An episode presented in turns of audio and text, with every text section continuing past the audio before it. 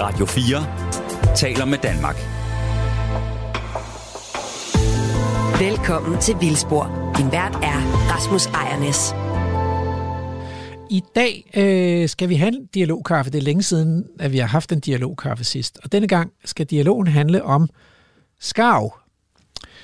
Denne flabede fugl, som øh, spiser fiskene for næsen af lystfiskerne, og som overskider træerne. Øhm, og altså anledningen til dialogkaffen, det er, at øh, Sebastian Klein, øh, naturformidleren Sebastian Klein, og fuglekiggeren, kan vi vel roligt sige, at han deltog i Genstart, hvor han øh, diskuterede øh, det her krav om at, at få reguleret skarverne, og hvor han sagde, altså ligesom gav udtryk for, at der, der er så mange skarver, som der er plads til i naturen. Det, det er ikke unaturligt. Det er bare sådan, det er. Men så øh, tog lystfiskeren Daniel Holm tråden op i øh, et Facebook-opslag, hvor han øh, kritiserede øh, Sebastian Klein for sådan en lille smule en enøjethed her, og manglende blik for, at skarven var en trussel, ikke bare mod øh, sportsfiskerne, men også mod de fisk, som nogle gange er fortalige øh, og som lever i vores vandløb. Øh, og, og det udviklede sig, og Sebastian Klein deltog i tråden, og så tænkte vi, det, det skal vi lige grave lidt øh, dybere i, og give dem en chance for at tale sammen i Vildsborg. Øhm, og, øh, og det kommer de til at gøre øh, i en dialogkaffe, hvor øh, Andrew Davidson tager ud og, og holder mikrofonen for dem og stiller dem nogle gode spørgsmål. Og jeg tror også, Kåre Ebert fra Sportsfiskerforbundet kommer til at være med i den her snak. Så vi skal have en dialogkaffe med Sebastian Klein, øh, Daniel Holm og Kåre Ebert fra Lystfisker, Lystfiskernes Sportsfiskerforbund. Øh, men, øh, men det er ikke nok, fordi vi tænker, at vi skal lige have nogle facts på plads omkring den her skav. Så derfor så har jeg igen inviteret min kollega, Thomas Breinballe, med i Vildspor. Velkommen til Vildspor. Ja, tak for det. Du er seniorforsker på Aarhus Universitet, og derudover så har du arbejdet med skarver en stor del af dit liv. Ja, i hvert fald uh, indimellem nogle år, når der har været nogle penge til at se på dem. Så ja. Du er Mr. Skarv, altså. Det, det tænker jeg på dig som. På, Okay. På. Godt. Du ved i hvert fald rigtig meget om skarver. Øh, og om de konflikter, der har været mellem skarver og mennesker, og forsøget på at løse dem. Så det, det, øh, det håber du vil gøre os lidt klogere på øh, her i de næste 20 minutter. Hvis vi nu ser på de der skarver, hvad, hvad er det så egentlig for en fugl? Er det, er det en art eller to arter? Altså, det vi har her i Europa, det er en art. Så er der godt nok også øh, noget, der hedder en topskarv, men den har vi ikke ynglende her i Danmark, men det gør den i Norge og, og Skotland for eksempel. Men jeg havde hørt, at der var noget, der hed mellemskav og storskav, men er det lidt noget ja. pjat? Nej, det, jeg vil ikke sige, det er noget pjat, men, øh, men det er så to forskellige underarter. Okay. Ja, og øh, de har simpelthen også øh, blandet sig efterhånden, som øh, vores såkaldte mellemskav er blevet mere talrig. Så den der storskav, som vi kalder den på dansk, de yngler op langs vestkysten af, Norge og i Skotland, for eksempel og på Island og Færøerne. okay. Og vores mellemskav her, den yngler så primært på kontinentet, men har så bredt sig blandt andet også til Sydnorge og til England. Og, altså, Ja. så. Så de blander sig lidt. Ja. Øh, men hvad er det egentlig for en fugl? Altså, jeg kan, jeg kan jo ikke lade være med at komme til at tænke på sådan en flyveøjle, fordi den ser sådan meget arkaisk ud, den der skarv. Ja, men det, det er den jo også øh, på den måde, hvis man ser, når den skal lande i et træ, for eksempel på en gren i et træ med, med de der svømmefødder der. Det, det ser lidt øh, pudsigt ud, og kan også se lidt klodset ud. Men øh, ser man skarven jage under vandet, så er den jo en eminent undervandsdykker der, der øh, kan komme hurtigt frem, øh, når den skal jage fiskene. Så ser man dem nogle gange, når man går langs med stranden, så sidder de der sådan og ser meget uhyggelige ud på bundgangspæle med sådan udspredte vinger. Altså, jeg ved ikke, hvad de ligner, men det ligner sådan nogle øh, øh, dødsapostle, eller sådan. Jeg ved sgu ikke rigtig. Sorte, sorte, truende fugle, der sidder og breder deres vinger ud. Ja, Hvorfor, hvorfor sidder de sådan? Jamen det er jo så, fordi de skal sikre sig, at de får tørret fjerne ret hurtigt, fordi i modsætning til for eksempel andre fugle der, så, øh, så har skarven ikke sådan, øh, at de smører fjerne ind i sådan olie, som gør fjerne rigtig vandskyende. Så, så netop for at kunne være effektiv under vandet, så er det med at have så lidt luft mellem og fjerne og mellem fjerne og, og huden der.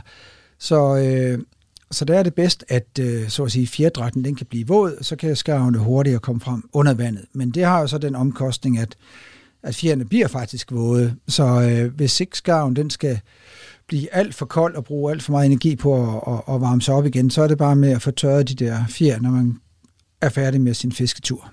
Kan de flyve, de der våde fjer, eller er det sådan et, et, et let bytte for en havørn, når de sidder der og tørrer deres fjer? Ja, nej, de, de ville godt kunne øh, lette stadigvæk, okay. men, men de, gør, de bliver da lidt tungere af det. Det gør de. Så de har, betyder det, at de har lidt deres egen niche, fordi de kan noget, som ingen andre fugle kan? Eller, altså, der er vel andre fugle, der også jager under vand?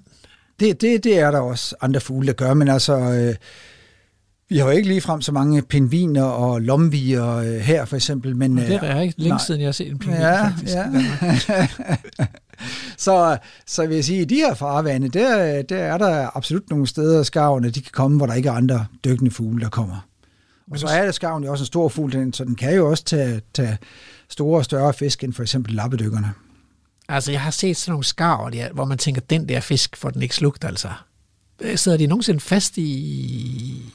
Ja, ja, ja. ja men det, det, i dem nogle gange? Jo, jo samtidig er kløjs det i det. Det, øh, det gør de. Øh, hvis, man, hvis den skal tage sådan en, øh, en bred øh, rødspæt eller skrubbe der, øh, og sågar også med, med store ål, øh, eller en stor havøret for eksempel. Det, det, det går samtidig galt. Ja. Men nu siger du så også, når de lander i træer, så skal vi lige have den der med de der træer. Hvad er det med skarver og træer?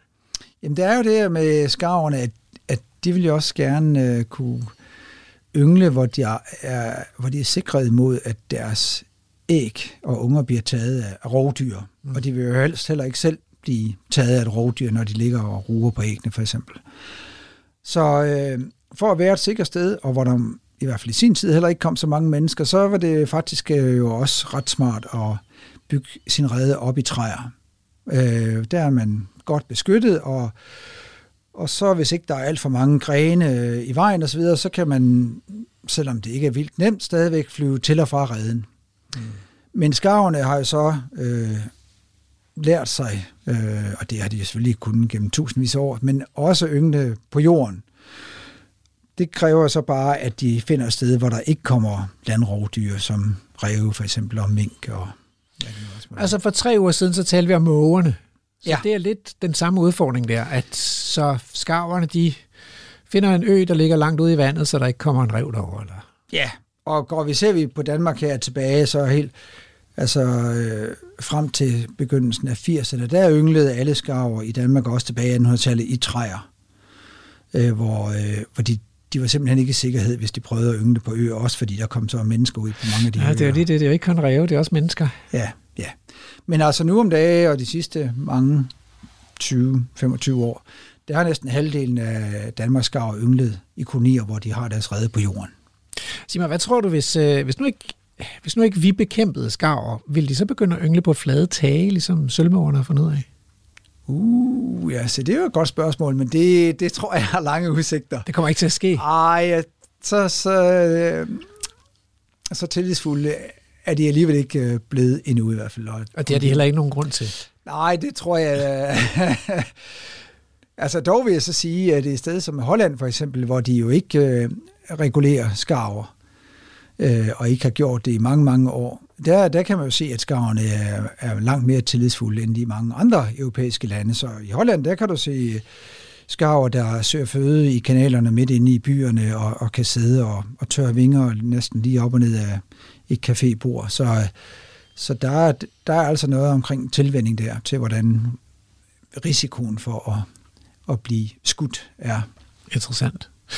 Øh, jeg så sådan et billede af jeg, tror, jeg ved ikke, om det var fra 70'erne eller 80'erne eller sådan noget, af nogle unge øh, entusiaster, der skulle ringmærke, ringmærke skarver på Vorsø, klatre op i de der træer. Altså, det, det, det er jo med dødsfagt, altså, fordi de, man skal virkelig højt op for at komme op til de der redder. Har du været med til den der øvelse? Ja, ja, det har jeg gjort i mange år, ja, så vi har absolut klatret højt op. Er der aldrig nogen, der er faldet ned? Jo, det, det, det er sket af og til, men vi er sådan kommet rimelig øh, godt øh, fra det igen, så jo, så der står en ikke handicappet forsker foran mig her med sine arme og ben i behold.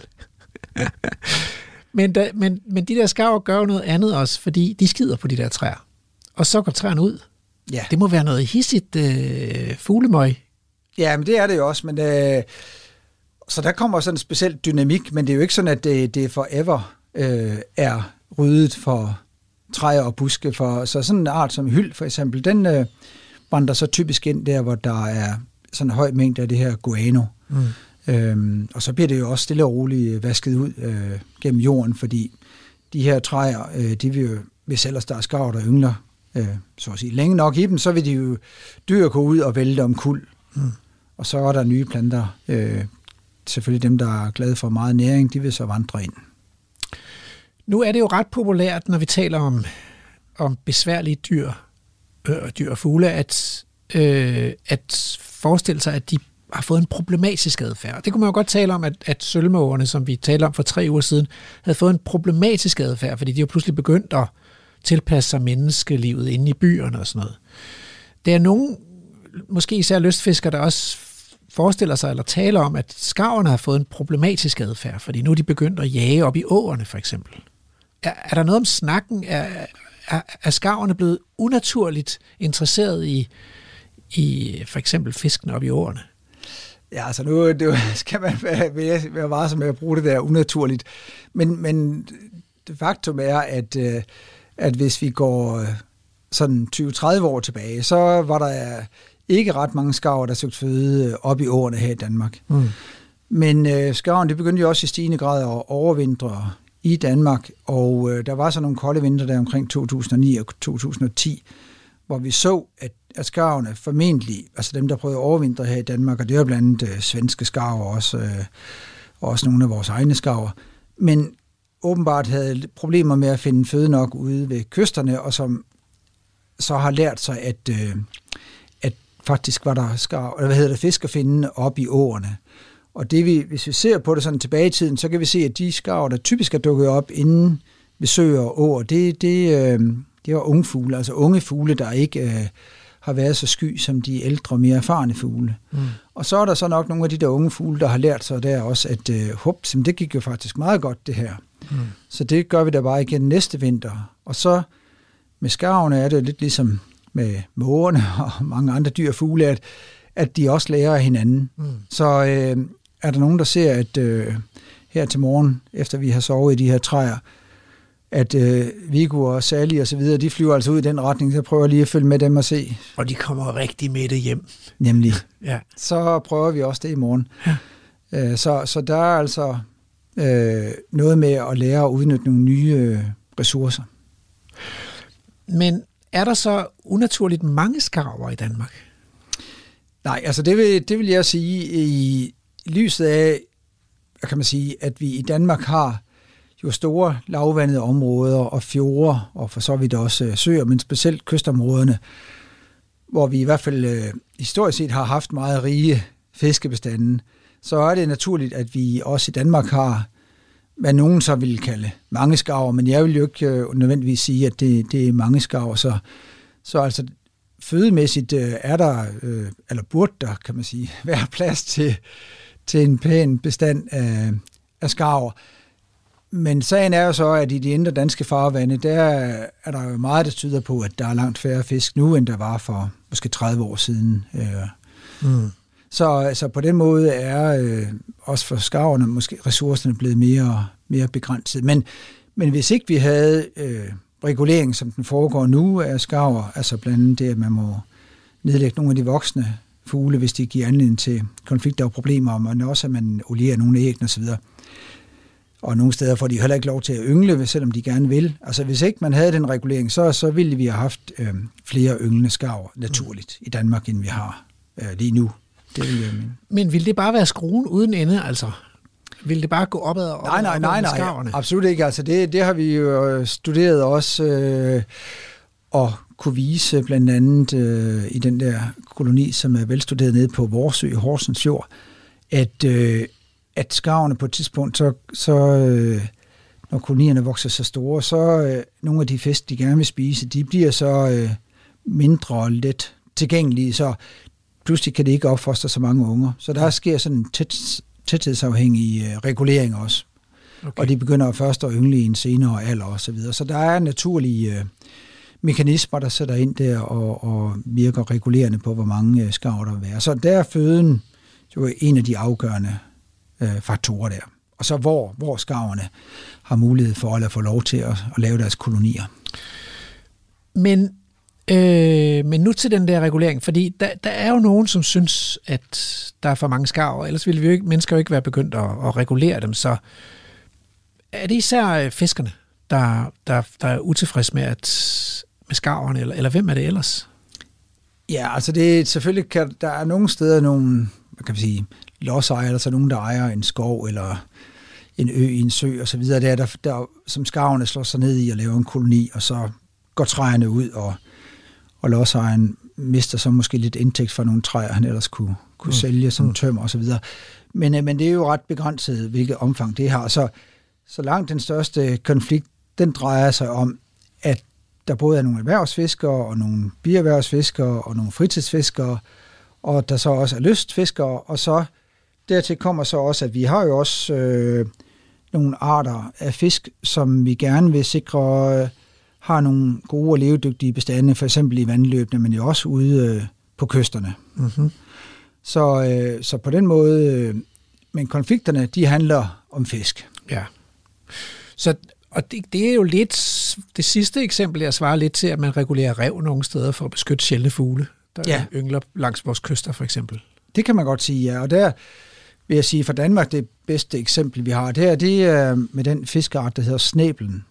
Ja. Hvor vi i Danmark har et særligt ansvar for at sikre, at den, den overlever. Fordi den øh, var jo før han udbredt ned gennem øh, floderne i Tyskland og Holland og så videre, hvor så den en del af sin livscyklus yngler op i, eller hvad hedder, lever op i åerne, og så også som, som øh, voksne øh, individer også er ude i havet.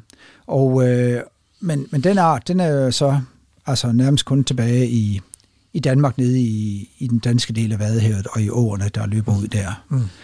Og der, øh, der er skarver, der tager øh, snæbler dernede, og som også beskadiger nogle af de gydemodne fisk, så så deres overlevelse øh, bliver, øh, bliver reduceret. Og det, det er et eksempel på, at man har en art af fisk, man gerne vil beskytte, og så har man så en fugl, der jo ganske, kan man sige, naturligt er på udkig efter nogle steder, hvor den kan fange noget bytte. Mm.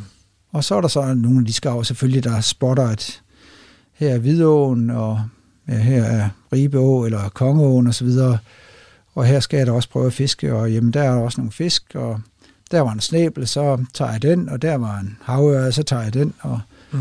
Så det er jo ikke fordi, at uh, skarverne for så vidt uh, målrettet går efter at udrydde men, fisk. Men det er jo svært det her, fordi på den ene side siger du, at vi kan, vi kan være lidt stolte af skarven. Den hører til i Danmark med vores specielle øh, lavvandede kyster og lavvandede havområder, så det er sådan en fugl, det, det kunne være en nationalfugl, eller nærmest ikke, fordi det er så specielt for Danmark sammenlignet med resten af Europa.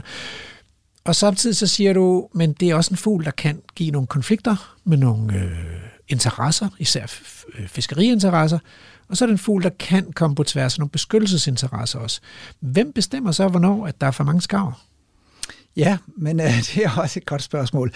Og, øh, og der vil jeg igen sige, eller at ja, det er jo ikke bare karakteristisk her for skarven, men, men øh, konflikten handler jo ikke nødvendigvis bare om antal, og det gælder jo også det, vi snakker om for noget tid siden, nemlig det her med mågerne, at, at øh, mennesker har jo ikke nødvendigvis konflikter med de måger, der yngler ude øh, på Hirsholmene, mm. der ligger 5-6 km ude fra Frederikshavn.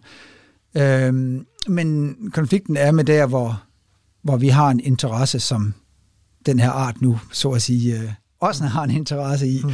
Og, øh, og, og hvis vi ser her på, øh, på for eksempel lige den konflikt her omkring øh, åerne, der, der kan man så sige, jamen øh, i det her tilfælde, eller i et tilfælde, hvor man har en, en øh, jo, det var det her med antal, men altså, det er jo ikke nødvendigvis antallet, der er afgørende, men, men, men det, der nok er, især er værd at fokusere på, det er der, hvor konflikterne opstår. Altså både sådan rent geografisk, men også hvornår på året, og, ja. og hvad er den specifikke situation. Det er det, man skal prøve at fokusere på. Og øh, i forhold til, altså man kunne selvfølgelig også godt vælge at sige, at vi vil løse problemet ved at, at nedbringe det samlede antal skarver. Mm. Det, det er så lidt en udfordring på grund af, af forskellige forhold, vi kan komme tilbage på. Men, men, øh, men det kunne man jo godt gøre, og så er sagen bare den, at man formentlig skulle ned på en meget lav bestandsstørrelse, mm. fordi med skarverne er det ligesom med mange andre dyr og fugle, sådan at de lærer sig, hvor føden er let tilgængelig. Mm. Og hvis man nu forestiller sig, at man har en konflikt med bundgarn, som man jo har haft med skarver og, og bundgarns fiskeri, så øh, ved vi fra nogle studier, at øh, nogle af de her skarver, både dem, der yngler og ikke yngler, om morgenen flyver ud og har lært sig, at i det her bundgarn, der er det nemt at fange fisk. Så der flyver vi ud som det første om morgenen. Og der er så måske plads til, at der er 150 skarver, der kan søge føde sådan en bundgarn. Og så beslutter du, ja, men altså, det, det er simpelthen helt uacceptabelt. Så, så nu prøver vi at løse problemet ved at reducere den her koloni, der har 1000 par herinde, 5 km fra, hvor vi har bundgarnet. Og så kan det være, at vi får lov til det, og vi reducerer måske den der koloni fra 1000 par til 500 par. Og øh, så er det bare ikke sikkert, at vi har fået reduceret problemet i bundgarnet med 50 procent. Mm.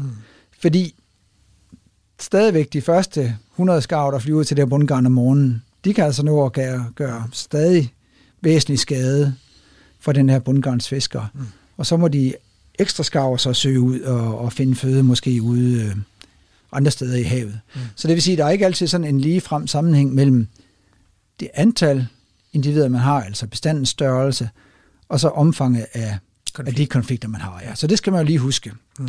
at det er ikke nødvendigvis sådan, det, det hænger sammen.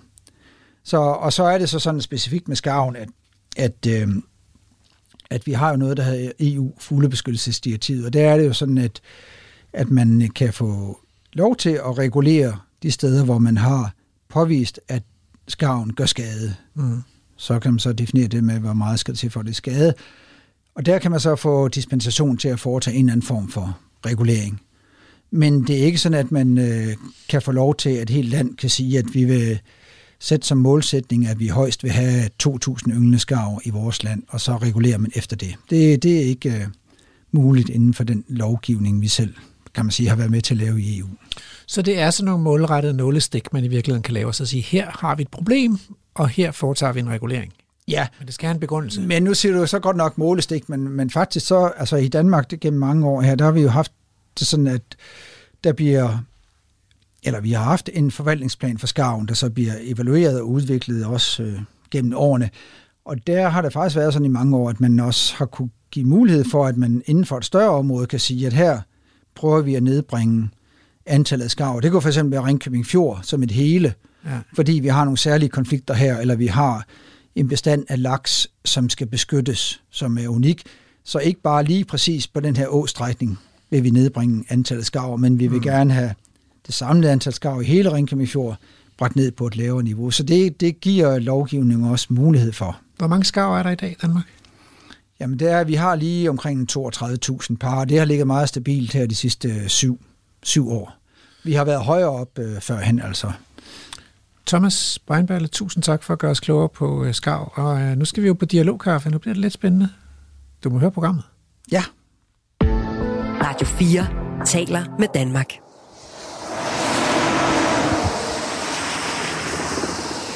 Som så mange vildsporsreportager, så kan man altid høre øh, vejen. Vi slipper sgu ikke udenom øh, vejen, når vi er ved naturen. Sådan er det bare her i Danmark.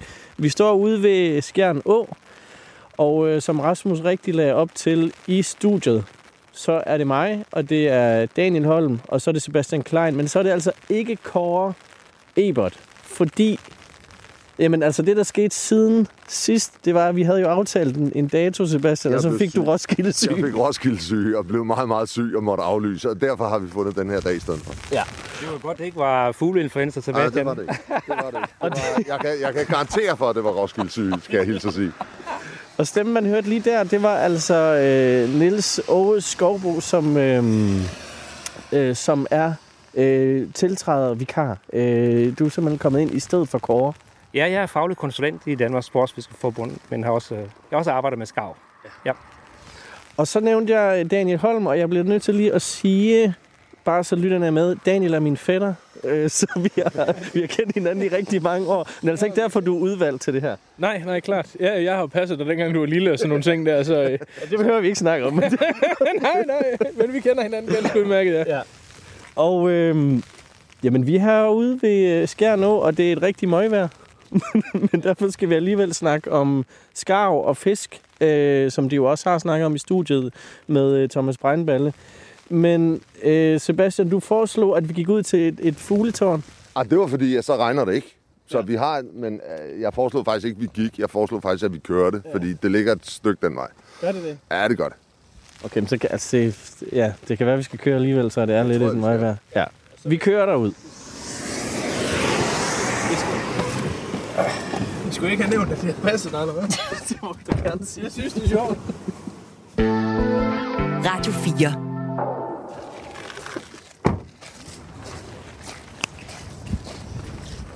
Nu er vi kørt et lille stykke, Sebastian. Hvor, ja. vi, hvor vi kørt hen? Ja, men vi er kørt herned til et fugletårn, der ligger lidt mere diskret placeret, hvor vi ikke har frygtelig meget bilstøj, og hvor vi med lidt held, især i betragtning af, at det er regnvejr, øh, måske ikke bliver overrendt af andre mennesker, der kommer, kommer på besøg i fugletårnet. Ja.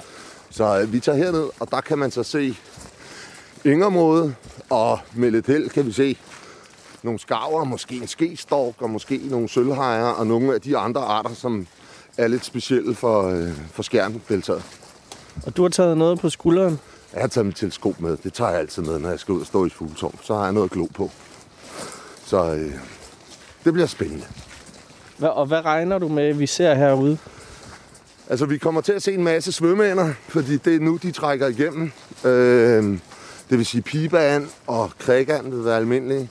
Så vil der jo være nogle skarver, og så vil der være, så er der en mågekoloni her, en hættemågekoloni, hvilket er en skidegod ting, fordi uh, hættemåger er en nøgleart, og der er mange andre arter, der, uh, der, der profiterer af hættemåger, af beskyttelsen fra hættemåger, når, når, hvis der kommer en rovfugl forbi eller sådan noget, så flyver de op og, og jager dem væk. Der røg lige en gråand der. Øhm, og så øh, med lidt held, så ser vi en sølvhejer eller en skestork eller sådan noget lignende. De er her også. Og det er, jo nogle, det er jo nogle interessante arter, fordi det er jo nogle, der er kommet til. De var jo, da jeg var barn, var de jo mega sjældne. Og nu, øh, jamen altså nu i Danmark er der måske sted mellem 500 og 1000 sølvhejer som var en kæmpe, kæmpe sjældenhed for 40 år siden. Øhm, og så er vi måske... Så er skestorkene, de øh, yngler herude, hvor der også yngler skarver sammen med skarverne. I øh, ja, det, der vel stadigvæk er landets største koloni. Øh, og det var også en art, som er indvandret her for en 25 år siden, eller sådan noget lignende, efter at have været væk i mange, mange år. Så øh, altså, noget godt sker der i naturen. Men indvandret, er, er det, det er vel ikke altid så godt, at, at der er noget, en, en art, der indvandrer i Danmark? Jo. altså, det er, aldrig, det er aldrig skidt. Altså, det er jo naturen. Naturen udvikler sig. Der er nogle arter, der er indvandrere, der er nogle arter, der forsvinder. Det er jo den dynamik, vi har i naturen. Så det der med at sige, at der er noget, der er godt og skidt, man kan sige, når, når noget bliver udsat af mennesker og øh, påvirker naturen negativt, så er det selvfølgelig så er det negativt. Men det her, det er jo en naturlig indvandring, der er sket. Det, er, det skal vi jo egentlig kun bifalde. Det betyder, at vi har fået en, en art, som vi ikke havde før. Og det øh, borger jo sådan set, altså det er jo et bevis på, at, at Danmark trods alt kan noget. Nu er vi kommet ud af, en, af, en, af den lille skov, eller hvad man kan kalde det, og går på, øh, på noget på sådan en træbro her, og er omgivet af vand og, og lidt forskellige plantehaløjer. Ude foran, eller ude på for enden af broen, der har vi så et lille fugletårn. Ja. Øh, er det her et, et, et godt fuglested? Jeg ved jo, du er fuglenørd. Jamen, det er helt sikkert et godt fuglested. Altså, det er et sted, hvor jeg har været... Ja, Jeg kan ikke tælle, hvor mange gange jeg har været her, men jeg er her flere gange om året. Der flyver en skarv. og der kommer en til. Og nu skal I se på pælene, der ligger her fremme. Der står der også et par stykker på den anden side.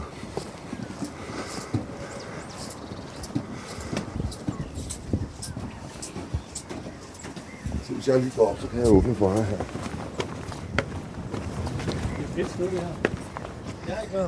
Hvad siger I til det? Lystfiskerne? Super fedt. Altså, vi, vi er jo også fugleinteresserede alle sammen. Altså, og vi elsker jo at se, altså når vi er ude at fiske, så vil vi jo, det er jo ikke bare at fange fisk. Og den der præmis om, at til lystfisker, de vil bare fange en masse fisk på bekostning af nogle fugle, det er simpelthen en uærlig præmis. Og nu, nu, nu er du hurtigt dykket ja, ned i... Så, så, så den synes jeg gerne, vi skal med det samme få slået fast. Ja. At man kan også sige, at øh, orientologerne, de vil kun have fugle, for at de kan se på den. Ja. Det er jo ikke sådan, det er. Vi vil gerne have den natur, fordi vi synes, den skal være her, og fordi den har sin plads, og fordi den altid har været her. Og det er jo det, vi skal hen til. Vi skal finde ud af, hvordan får vi det her natur til at spille sammen, ja. så vi, vi har plads til både fugl og fisk. Men det, og det er det, vi skal hen til, men, men jeg vil gerne gemme det lidt i programmet. Lytterne, altså det er jo en cliffhanger, ikke det her? Så. Men øh, Niels kan du ikke lige beskrive, hvordan det ser ud her? Jamen, det er lavvandet område, og det er formentlig noget, noget vand, der er kommet til, efter at til Skjern Å blev lagt tilbage til sine folder i sin tid. Det er meget lavvandet område, og der er en guldvedsignelse af fugle derude. Der er hættemåkolonier. Øh, på vej herned så vi også sølvmåger, eller hvad hedder det, øh, sølvhejeren rent faktisk. Øh, ja, det er et skønt sted, ikke? Altså, det her, hvad kan man sige, der er meget, meget, meget lidt, hvad skal man sige, påvirkning af, af, landskab. Vi kan se ude i de fjerne, vi kan se, at der er nogle biler, men ellers, så får naturen her lov til at være natur på naturens præmisser. Og i det her tilfælde fungerer det jo super hammerende godt. Ja, det er dejligt. Det er dejligt at se natur, der bare er natur. Og få lov til at være og passe sig selv og være. Det er dejligt. Er det her også et godt fiskested? Øh, jeg ved som sådan ikke, om der er så voldsomt meget fiskeri lige her, for det er meget lavvandet og sådan nogle ting. Der vil helt sikkert være nogle skaller, nogle, nogle abor, nogle, nogle geder og sådan nogle ting i det, hvad skal man sige, det her marskområde med søer og sådan noget. Men altså selve Skjernå, som jo løber igennem herude, øh, og så med den, der ligesom går over sin bredder nogle gange og skaber meget af det her, er et fantastisk, fantastisk sted at fiske. Måske faktisk et af de bedste steder i hele Norden til at fiske laks og den historie omkring laksen og hvordan og hvorledes Skjernå øh, er gå, kommet fra at være en, en, en, altså en laksebestand, som har været nærmest fuldstændig udraderet til at, at, at, at få en, en, en, en laksebestand, som er i, i fremgang og som, som virkelig er, er god, er, er jo unik for, ja, for den her del af verden i hvert fald. Man kan jo sige, at i sin tid, hvor dengang at det, laksen blev reddet, der var der måske under 100 laks tilbage i Danmark. Og det var helt utroligt, at de fik dem, fik dem til at overleve. Man fik dem indfanget, og fik, fik dem strøget, og man fik klækket nogle små laks, og fik dem sat ud.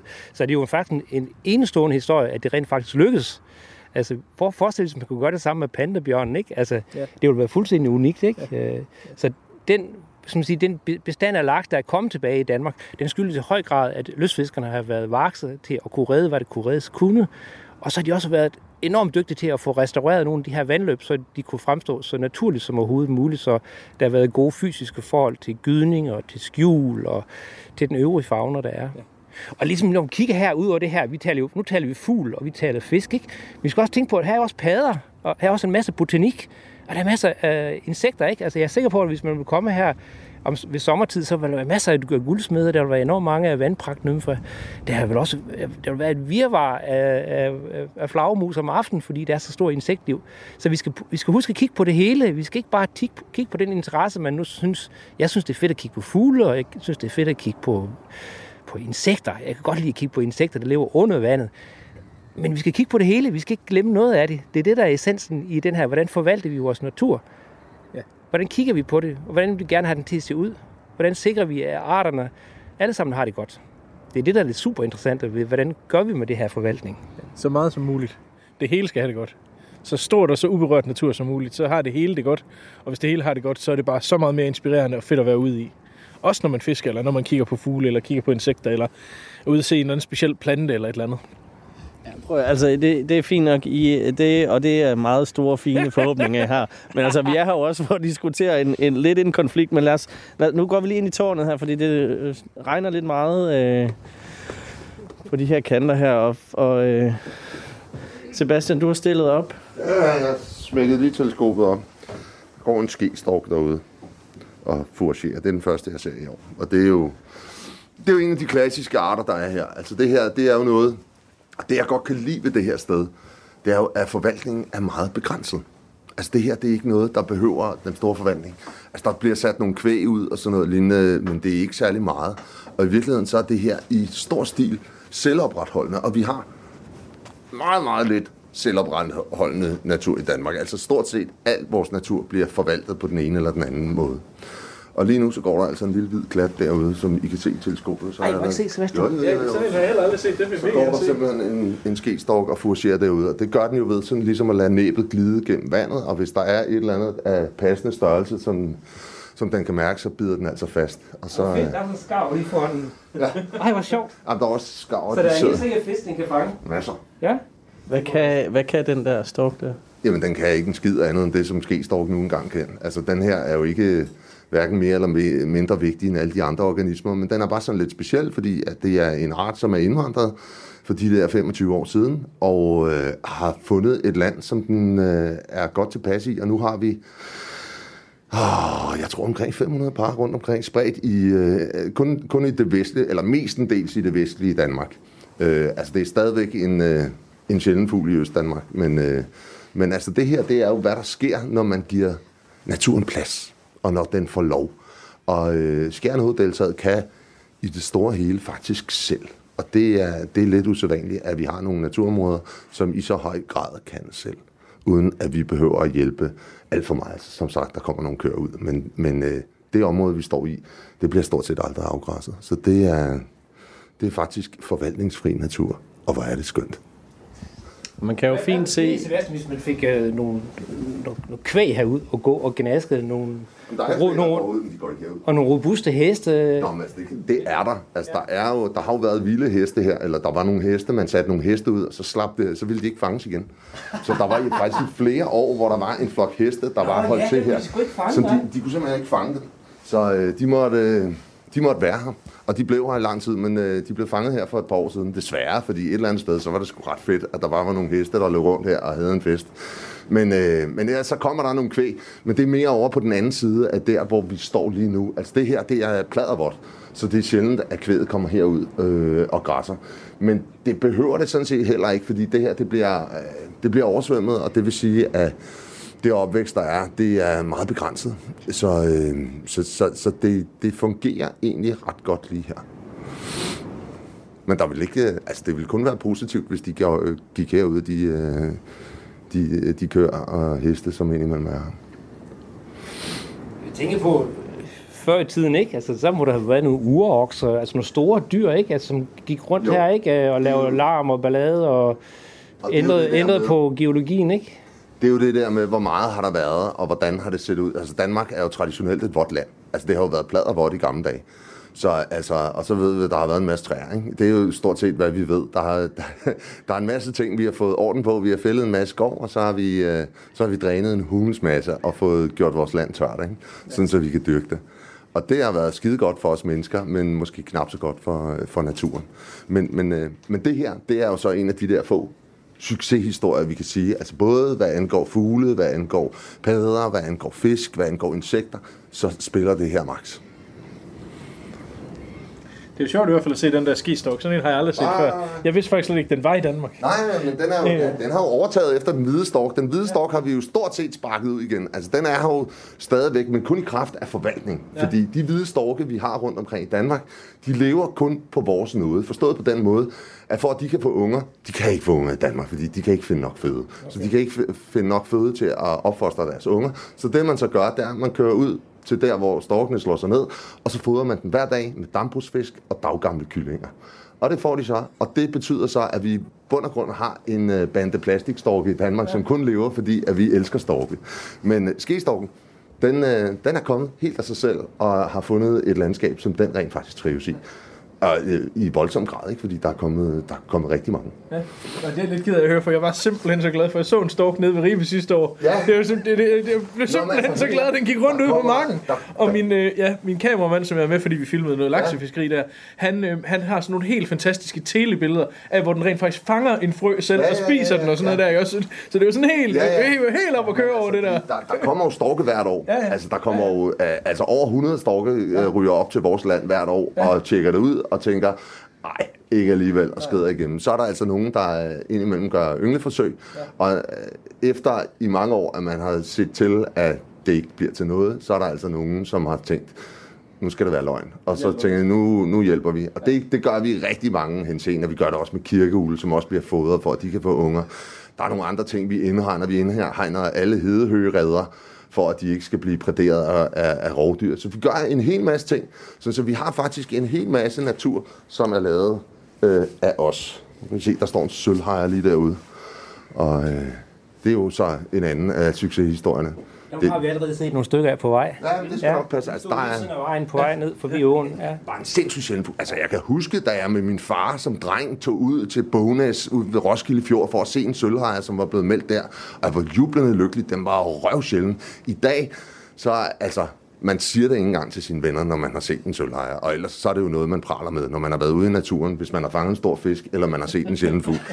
Sølvlejeren, den nævner man ikke længere. Ja, den er er mange ting der, der sådan set minder lidt om hinanden, ikke? Det der med at, at være glad og, og formidle det. Og, I virkeligheden, og, når, om vi er fiskere, eller om vi er ornitologer, eller om vi er entomologer, eller hvad vi er, så er vi jo jæger. Ja. Altså, vi går ud på jagt efter fantastiske naturoplevelser Præcis. på den ene eller den anden måde. Så, så, øh, og så praler vi jo over for vores venner bagefter og siger, ej, jeg fanget en laks, eller ej, jeg så en sorthud måge, ja, ja. eller et eller andet. Så på den måde, så er, så er, er naturinteresser jo i meget høj grad, vi, vi, vi siger det jo aldrig til nogen, men det er jo i meget høj grad sport. Altså, det er jo en sport, hvor vi dyrker, jeg og vi tror, det er prøver. andet. Jeg tror også, det er, det er vores instinkt. Ja, altså, det kan også godt være. Til, altså, hvis jeg skal ud og fisk, altså, jeg kan ikke lade være. Det, det er ikke noget, jeg bare kan sige, det er en sport, ligesom jeg spiller håndbold, eller, det, jeg kan simpelthen ikke lade være. Nej, nej. Altså, jeg kan ikke lade være med at kigge, og jeg, jeg, kan ikke, det, jeg elsker bare at komme ud, ikke? Men har du det ikke også, når du har haft en oplevelse derude, så er du nødt til at dele den med nogen. Du er Jo, nødt til at jo, sige jo, det. jo. Ej, jeg så en odder. Der kom en odder, mens jeg stod der med stangen, mand. Ja, ja, og når vi ser den første vandstær, der er hen i oktober måned nede ved Guden, ikke? Altså, nu er den kommet, og der er vi jo helt vilde alle sammen, ikke? Men vi bliver nødt til også at kigge på de der sorte banditter, der står på de der pæle lige ude foran os. Der står en 5-10 skarver der. Og det er dem, vi er kommet for at snakke om, jo. Ja, men vi har rigeligt med tid, så jeg vil faktisk gerne lige øh, parkere, eller blive lidt ved den her øh, snak her om øh, fascination, fordi du har jo ret i det, Sebastian. Det har I virkelig til fælles. Øh, fascination og kærlighed til naturen og til forskellige arter. Så, så lad mig lige sådan øh, en, en efter en bare lige høre, hvor starter den her fascination? Øh, hvis vi starter ved dig, Sebastian, for fugle. Altså, hvor, hvor kommer den fra? Jamen, det er jo ikke kun fugle for mig. Det er jo sådan generelt. Jeg er bare, øh, øh, altså, jeg har bare en ekspertise inden for fugle, kan man sige. Men altså, generelt har det jo været dyr altid. Altså lige fra på mit børneværelse, så malede min far og min onkel, de rendte rundt og malede elefanter på væggen, fordi jeg elskede elefanter. Og så, så har det udviklet sig, og så har jeg været glad for, for dyr altid, og taget ud i naturen for, du ved, at lede efter dyr. Jeg læste, at der var noget, der hed en hermelin eller en lækat, og så tog jeg ud i naturen for at lede efter den, og tog ud på Amagerfællet. Jeg boede på Amager. Så tog jeg ud på Amagerfællet og kørte rundt. Og når man skal lede efter en hermelin, så vil jeg sige, man finder den ikke. altså, man, finder, man ser den jo aldrig. Så, øh, så er jeg blevet opmærksom på andre ting, der har bevæget sig ude i naturen. Blandt andet fugle. Og fugle er jo meget nemt. Fugle er let tilgængeligt. Altså, du behøver ikke en stang, du behøver ikke gå ud og gøre noget. Du kan nærmest bare åbne døren, så er der fugle. Så et eller andet sted, så har det været meget simpelt for mig, det der med at se et dyr, og så tænke, hvad er det? Og så slå op i en bog, som man jo gjorde i gamle dage, øh, og så finde ud af, hey, det der det er en chakra, eller en stor flagspætte, eller hvad det nu måtte være. Og der ligger en enorm tilfredsstillelse i at vide, hvad det er, man ser på, hvad det er, man omgiver sig af på en eller anden måde. Og, øh, og det gælder jo alting. Det gælder jo også planter, det gælder også insekter. Så jeg vil sige, det, det, man holder aldrig op med at lære, og man holder aldrig op med at udforske. Og det synes jeg jo er det, der for mig er fascinerende. Det er det der med, og jeg kan godt lide at vide ting. Jeg kan, jeg kan simpelthen godt lide at vide ting, så når jeg er nysgerrig, så vil jeg gerne have et svar på mine spørgsmål. Og det kan man ofte finde selv, når man er ude i naturen. Især i dag, hvor man jo har apps og alt muligt. Man kan bare tage et billede af et eller andet insekt, og så fortæller han, at det der det er en skarnbasse, eller hvad det nu måtte være. Ikke? Det var lidt svært i gamle dage, vil jeg sige. Hvad med dig, Niels Åge?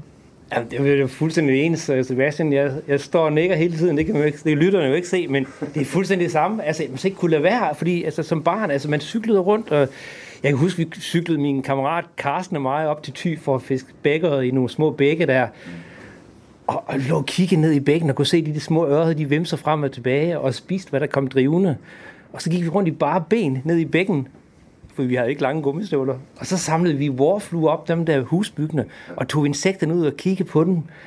Ej, det var fuldstændig fantastisk. Og så når der var nogle døgnfluer, der, der klækkede, der kom drivende ned, ikke?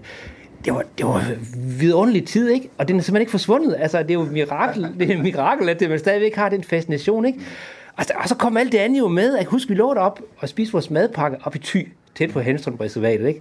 Det er way back, ikke? Og så højt op i luften, Trudot, Sebastian, hvad tror du? Og så kom tranerne, ja, ja. Ja, ja, og vi har aldrig set dem før. Vi har aldrig set dem før.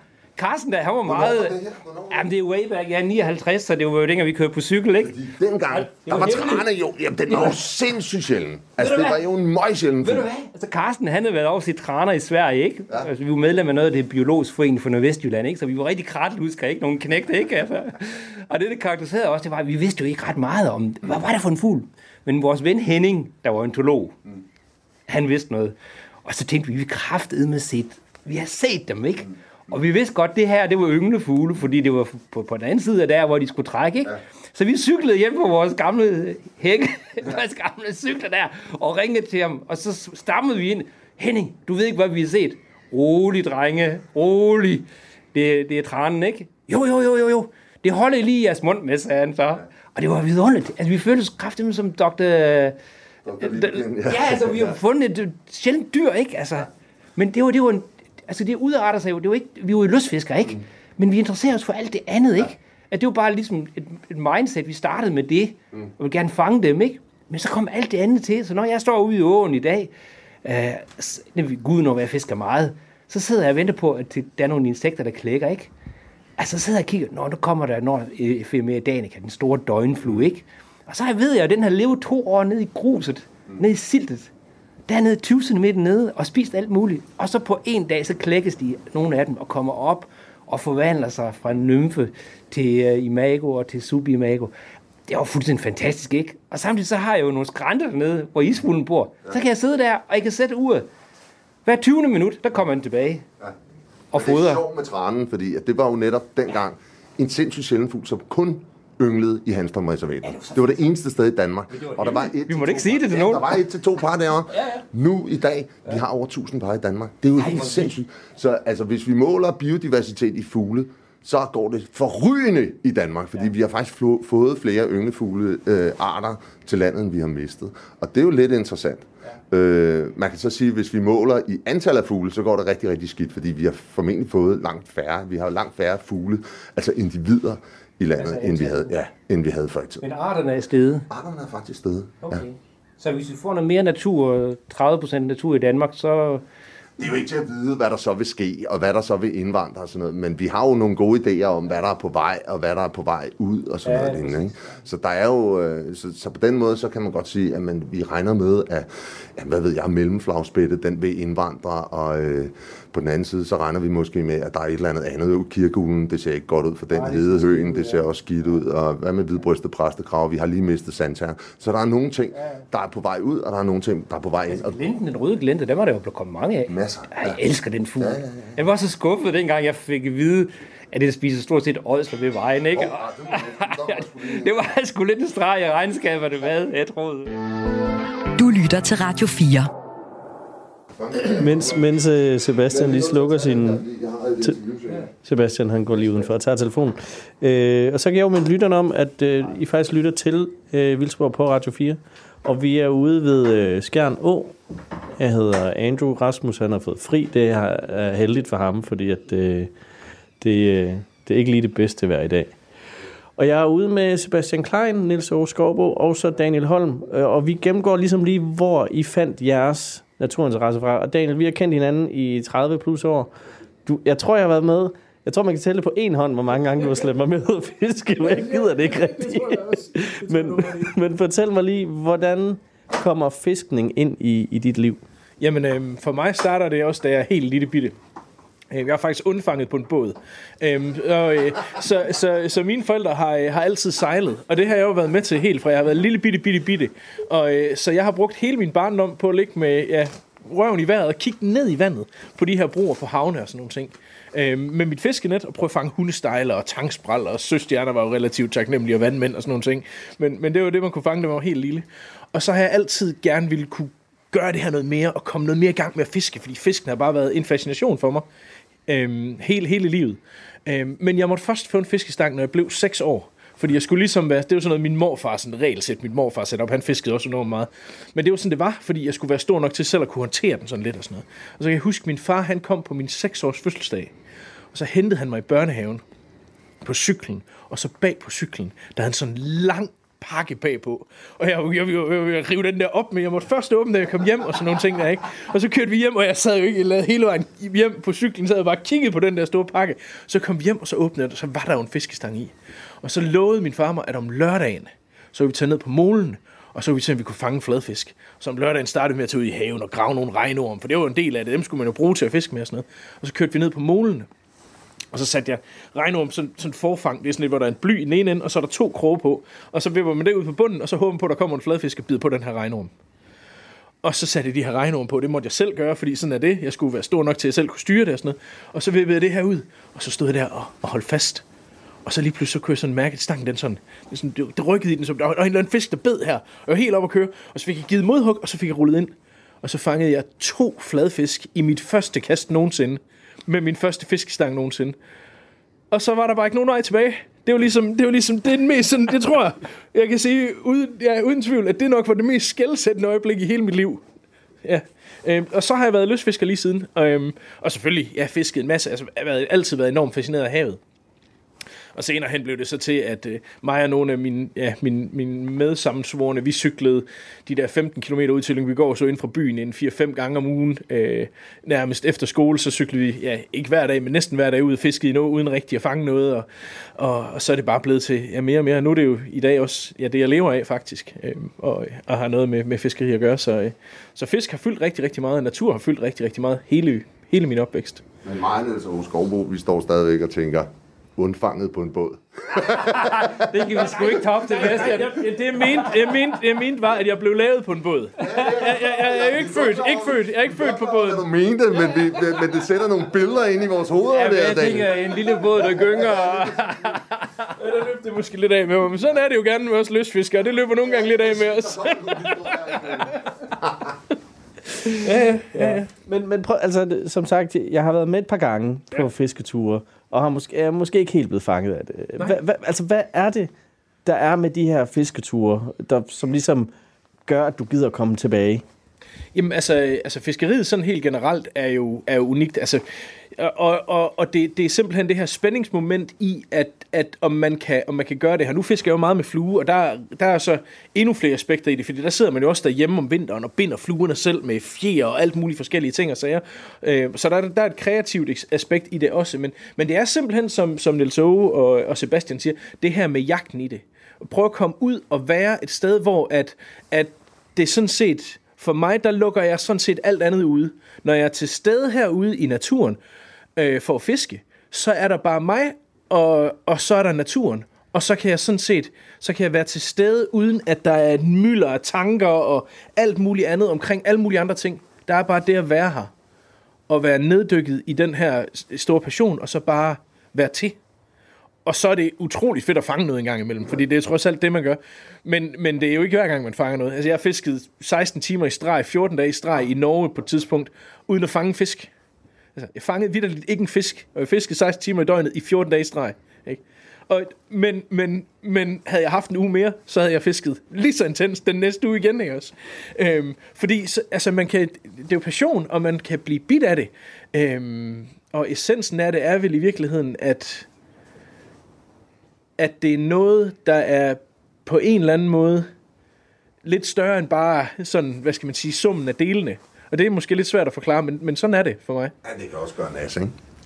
Når, man ikke, når, når det ikke giver gevinst. Altså, jeg har i, øh, fra i torsdags til i mandags, der var jeg i Estland, på, øh, for, fordi jeg skulle se en los. Fordi der kan man tage over, der er sådan nogle los-ture, og jeg har så været rundt i fire nætter i træk, og øh, med termisk øh, kikkert og lede efter los, og vi så grævlinger, elge og vildsvin og øh, mordyr og ræve og dårdyr og hvad ved jeg, vi så alting.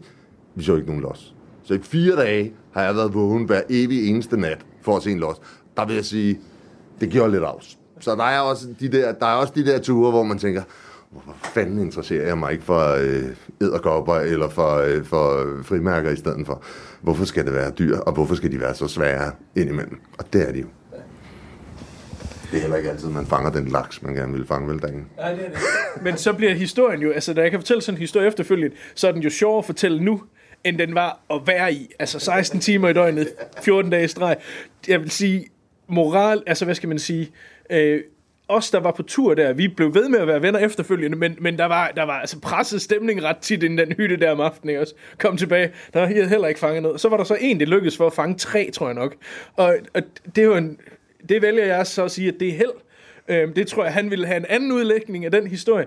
Øhm, men, øh, men, men, men han var jo godt tilfreds, og at, jeg for eksempel sige, den ene aften, hvor han var ude at fiske, der drak vi det meste af whiskyen, alle os andre, fordi han havde det, jo- han havde det jo ligesom for foran på nogle andre måder, og så måtte det jo være sådan. så ja, ja. Vi, øh, det det er også noget, vi kender godt til på vildsport. Vi ikke finder det, vi er ude og lede efter. Men heldigvis, så står vi, vi står lige her ved, på, i fugletårnet, og kan kigge lige ud til øh, to-tre skarv, sådan hvad jeg lige bare kan se, der står og, øh, og tørrer deres vinger. Og det er jo det, er det, er jo det de gør, øh, for de dykker efter øh, føde. Og det er dem, det skal handle om. Øh, men vi er kommet til det punkt, hvor jeg kan sige, at der er nyheder her på Radio 4. Og så vender vi tilbage øh, efter nyhederne, og så tager vi, øh, så tager vi boksehandskerne på, kan jeg måske godt sige, for det skal handle om skarven, og det er jo den, der ligesom er genstand for, øh, for den diskussion, det er, hvorfor vi er herude. Men nu er der altså nyheder. Radio 4 taler med Danmark. Velkommen til Vildspor.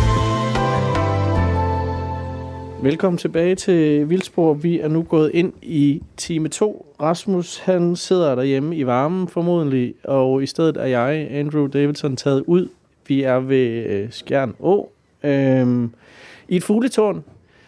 Øh, og når jeg siger vi, så er det fordi, jeg har Nils Aage Skovbo fra øh, Dansk Sportsfisker øh, Forbund, og øh, så har jeg Daniel Holm, der er ivrig lystfisker med, og så har jeg også Sebastian Klein, der er Altså, du er ikke, du er ikke meget ved, at jeg kun stempler dig som fugleelsker. Du er dyreelsker. Det vil jeg synes var, var begrænsende. Men det skal handle om, om fuglene, og det skal handle om en bestemt fugl. Det skal handle om skarven. Og øh, vi er taget herud, fordi at I måske ikke er helt enige om, hvad der skal ske med skarven. Jeg vil godt lige op... Jeg har lige et stykke papir, hvor jeg har noget, nogle tal på, øh, som jeg lige skal folde ud af. Fordi det, det, der jo ligesom sker, det er, at 13. december sidste år, der øh, er du med i et afsnit af det, der hedder Genstart, Sebastian, som øh, hedder Fugl eller Fjende. Og Anna Ingrid, hun indleder meget fint det program med at sige, at er Danmarks mest forhatte fugl. Og øh, efterfølgende, øh, faktisk øh, øh, en uges tid senere, der opstår der, der kommer der en video op på Facebook, som jeg falder over, fordi at Daniel er min fætter. Det har jeg sagt i time 1, bare roligt lytter. Øh, og det er altså en video, som du har lavet ved Giber Å, og da jeg tjekkede sidst, der havde den 752 likes, 232 kommentarer, 42 visninger. Kan du ikke lige fortælle mig, hvad den video øh, handler om, og hvorfor du lagde den op? Jo, det kan jeg godt. Øhm, jamen, jeg synes jo, at, øh, at Genstart sådan helt generelt er, er et fantastisk sobert og rigtig, rigtig godt program, som jeg faktisk hører nærmest hver dag. Men, men lige det her ene afsnit øh, gjorde enormt ondt på mig, øh, fordi det handler jo om, øh, om skarv, og så handler det om, øh, det sætter fokus et sted på os lystfiskere som værende nogen, der ikke sådan generelt gerne vil naturen, men bare helst gerne vil have, at der skal være nogle fisk, så vi kan fange nogle fisk og slå nogle fisk ihjel, øh, og få nogle fisk med at spise. Øhm, og, og, og, og, og det gør ondt på mig som, som lystfisker og som naturelsker, øhm, fordi jeg synes, det er at gøre tingene for, øh, for simple. Øh, fordi for mig er det fedt at kunne komme ud i naturen og dyrke min hobby, som er at fiske. Men det vil jeg jo helst gøre i noget natur, der fungerer. Og jeg vil jo helst gøre det i, en, i, i, i noget natur, som er en helhedsoplevelse. For mig er det fint at fange fisk, og jeg tager også en fisk med hjem en gang imellem og spiser. Men, men, men det her med bare at gøre problematikken omkring skarv og, øh, og hvor stor en del af, af nogle meget truede fiskearter, den rent faktisk spiser, til at gøre det til sådan et rent, et rent problem omkring penge, øh, synes jeg er at gøre debatten en lille smule, en lille smule skæv. Øh, fordi for mig er det naturen først, og så er det tilfældigvis, at når jeg er ude i naturen og nyder naturen, så er det med min fiskestang. Øhm, og det synes jeg ikke, der var fokus nok på i den her. I den her. Jeg synes, det var blev for ensidigt i forhold til, til, til hele den her debat, debat omkring, omkring skarven og, og fiskene.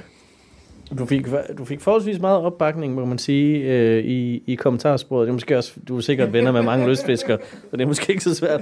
Men, øh, men og så, så øh, øh, rettede du faktisk henvendelse direkte til Sebastian. Ja. Men det, er- altså, det er jo ikke Sebastian, der har lavet programmet. Hvorfor, hvorfor vil du gerne snakke med Sebastian om det? Jamen det er jo fordi Sebastian er, øh, er jo et, et fantastisk menneske, og, øh, og et, øh, en, en super, super god fortaler for, øh, for naturen sådan helt generelt. Øhm, og jeg har læst mange af Sebastians bøger for mine børn, og hørt nogle af, nogle af lydbøgerne også, og sådan nogle ting. Ikke? Også, så, så, så det gjorde faktisk lidt ondt på mig, øhm, at, øh, at, at, at jeg synes, at, at debatten her blev, for, blev en lille smule ensporet. Øhm, fordi vi løsfiskere vil også bare utrolig gerne naturen. Og Sebastian har jo et meget, meget klart indtryk af, at jeg også bare gerne vil naturen. Så jeg ville egentlig bare have, med, med den video, jeg lavede på Facebook, prøve at opfordre til, at vi måske kunne, øh, kunne snakke om det en lille smule mere nuanceret. Øhm, og der må jeg sige, der var jeg enormt positiv og glad over, at du, at du ligesom t- i, i kommentarsporet til den her øh, øh, valgte at kommentere på det, og, øh, og tog, øh, tog, hvad skal man sige, tog kåren op, så at sige. Øhm, og, og jeg synes, vi havde en god og en super snak i debat, øh, i debatten der også. Øhm, og så er jeg enormt glad for, at, at du vil være med til det her også øh, i dag. Så, øh, så det er mega fedt, Sebastian. Mega fedt. Ja. Men lad os lige spole tilbage, og så lige øh, spørge dig, Sebastian. Hvorfor, hvorfor deltog du i Genstartsprogram? Hvad, hvad synes du ligesom, øh, der, der, skulle, der skulle siges i det program? Jeg synes, at det, der skal siges, det er, at vi har en meget, meget forhat fugl. Ikke bare i Danmark, men i, jeg, jeg siger næsten hele verden. Altså i Australien bekæmper man skarver. Det gør man også i USA. Det er en anden art, men man bekæmper den. Man skyder over 100.000 skarver i øh, USA hvert år. Man bekæmper skarver i hele Europa. Øhm, og, og når vi så bekæmper den, og så siger, at vi gør det for naturens skyld, så er der et, øh, så, så er det lidt mærkeligt at sige, at vi bekæmper en naturligt forekommende art for naturens skyld. Fordi naturligt forekommende arter, de, de skader som sådan ikke naturen generelt. Der kan godt være enkelte steder, der kan være delpopulationer, hvor man kan sige, jamen hør lige her, her er der en å, der er blevet fisket fuldstændig tom med nogle skarver. Det kan godt ske. Men det er meget, meget sjældent, at vi har, eller det er faktisk umuligt at have en art, der skader naturen, når den er naturligt forekommende. Det findes ikke nogen steder. Øh, alle arter er jo egoister, det vil sige, at de lever for deres egen skyld. Vi har, vi har en tendens til at udpege nogen som særligt vigtige. Øhm, det mener jeg, man skal være lidt forsigtig med. Og så skal man i hvert fald afholde sig fra at dele naturen op i gode og onde dyr. Øh, det har vi fra dansk side jo gjort i overvis. Vi har en lang tradition for øh, at liste dyr som, som, som onde dyr, og dyr, hvor, hvor vi siger, at bekæmpelse eller regulering er nødvendig for at opretholde naturen. Det er, ikke, det er simpelthen ikke sandt.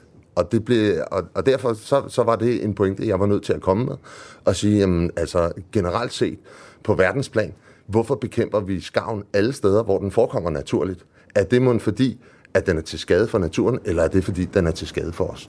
Og jeg mener i, langt overvejende grad, og der kan være eksempler på det modsatte, men i langt overvejende grad, så bekæmper vi skarv for vores egen skyld. I hele verden. Hvad siger de to lystfiskere her? Så er Hansen Schmidt, de her, det er godt klar over, ikke? Nej, men Sebastian, du har jo i princippet ret ja. i, at de naturlige processer fun- fungerer på naturens præmisser. Og det er vi enige om. Men vi er også nødt til at kigge på, hvad er det for et land, vi bor i? Altså, altså er det 2,4 procent vild natur, vi har i Danmark? Det er jo svært at sige, men for en fugl, som er så mobil, der kan flyve, altså mange af de fugle, vi har i Danmark, at skarve, det er jo nogle, der migrerer fra Østersøområdet, Sverige, Finland, øh, de baltiske lande især, ikke? Og de kommer her ved vintertid, og de kommer allerede i slut juli måned, nogle af dem, ikke? Mm. Så der kommer enormt mange.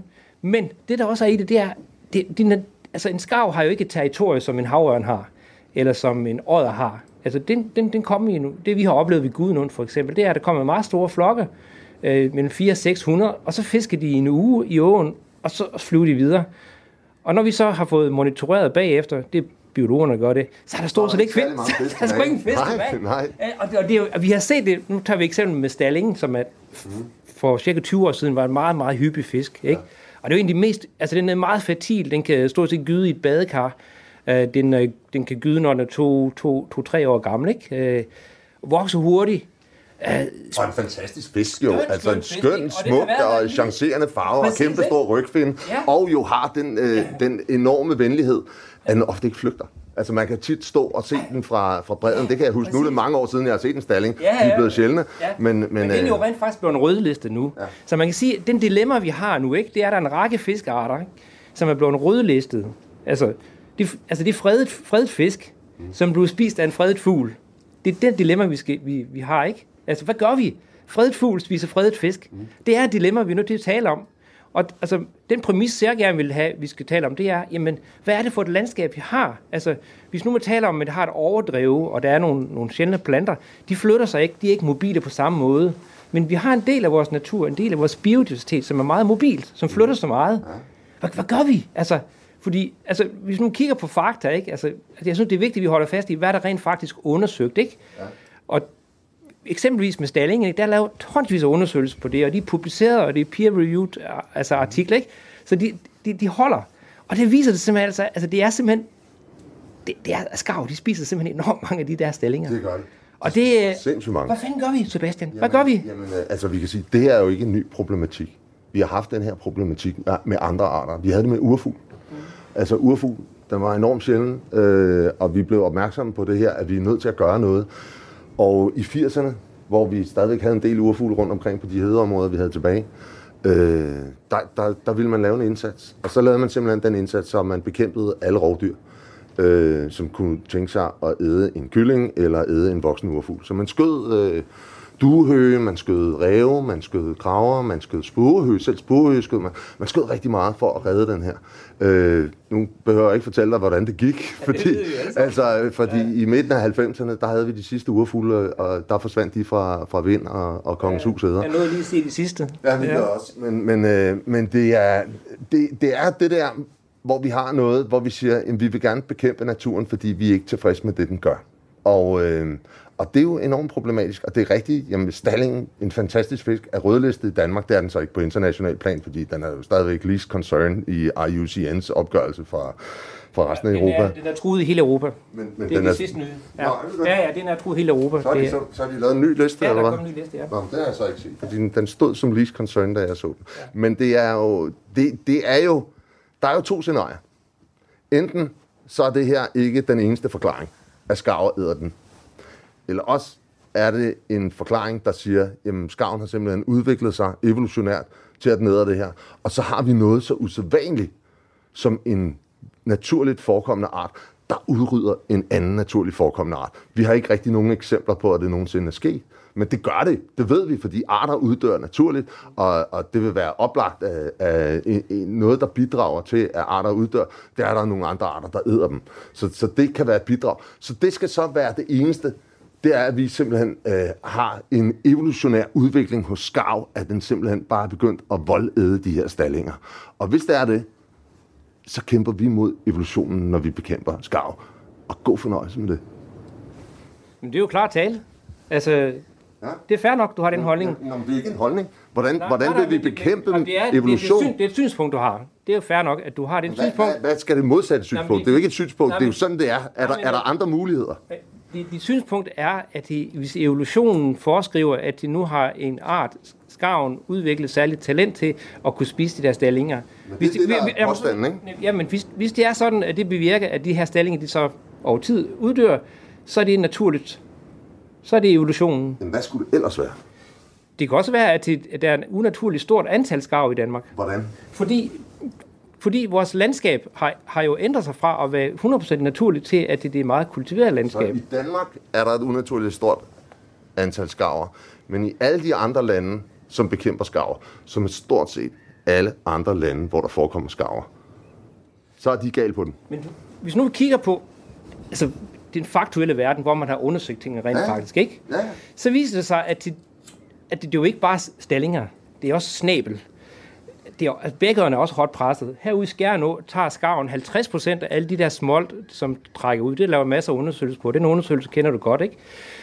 Og op i øh, uh, Vildesruport laver nye undersøgelser på havørerne, havører, ikke? Og der ved man også, at 50 procent af de havører smolt, der trækker ud, bliver spist. De nye undersøgelser viser sig, at til, af de havre, der trækker op, der har man lavet pitmærket dem og fundet. Og det viser sig, at det er over en tredjedel af de der store havre imellem 38 cm og 53 cm, som bliver spist op i vandløbene. Så man kan sige, 30 procent af de store fisk op i vandløbene og 50 procent af de små, der trækker ud, Det er jo en kæmpe belastning. Og det er derfor, vi kan se, når vi laver monitorering i vandløbene, altså, der er slet, slet ikke det antal fisk, som det burde være.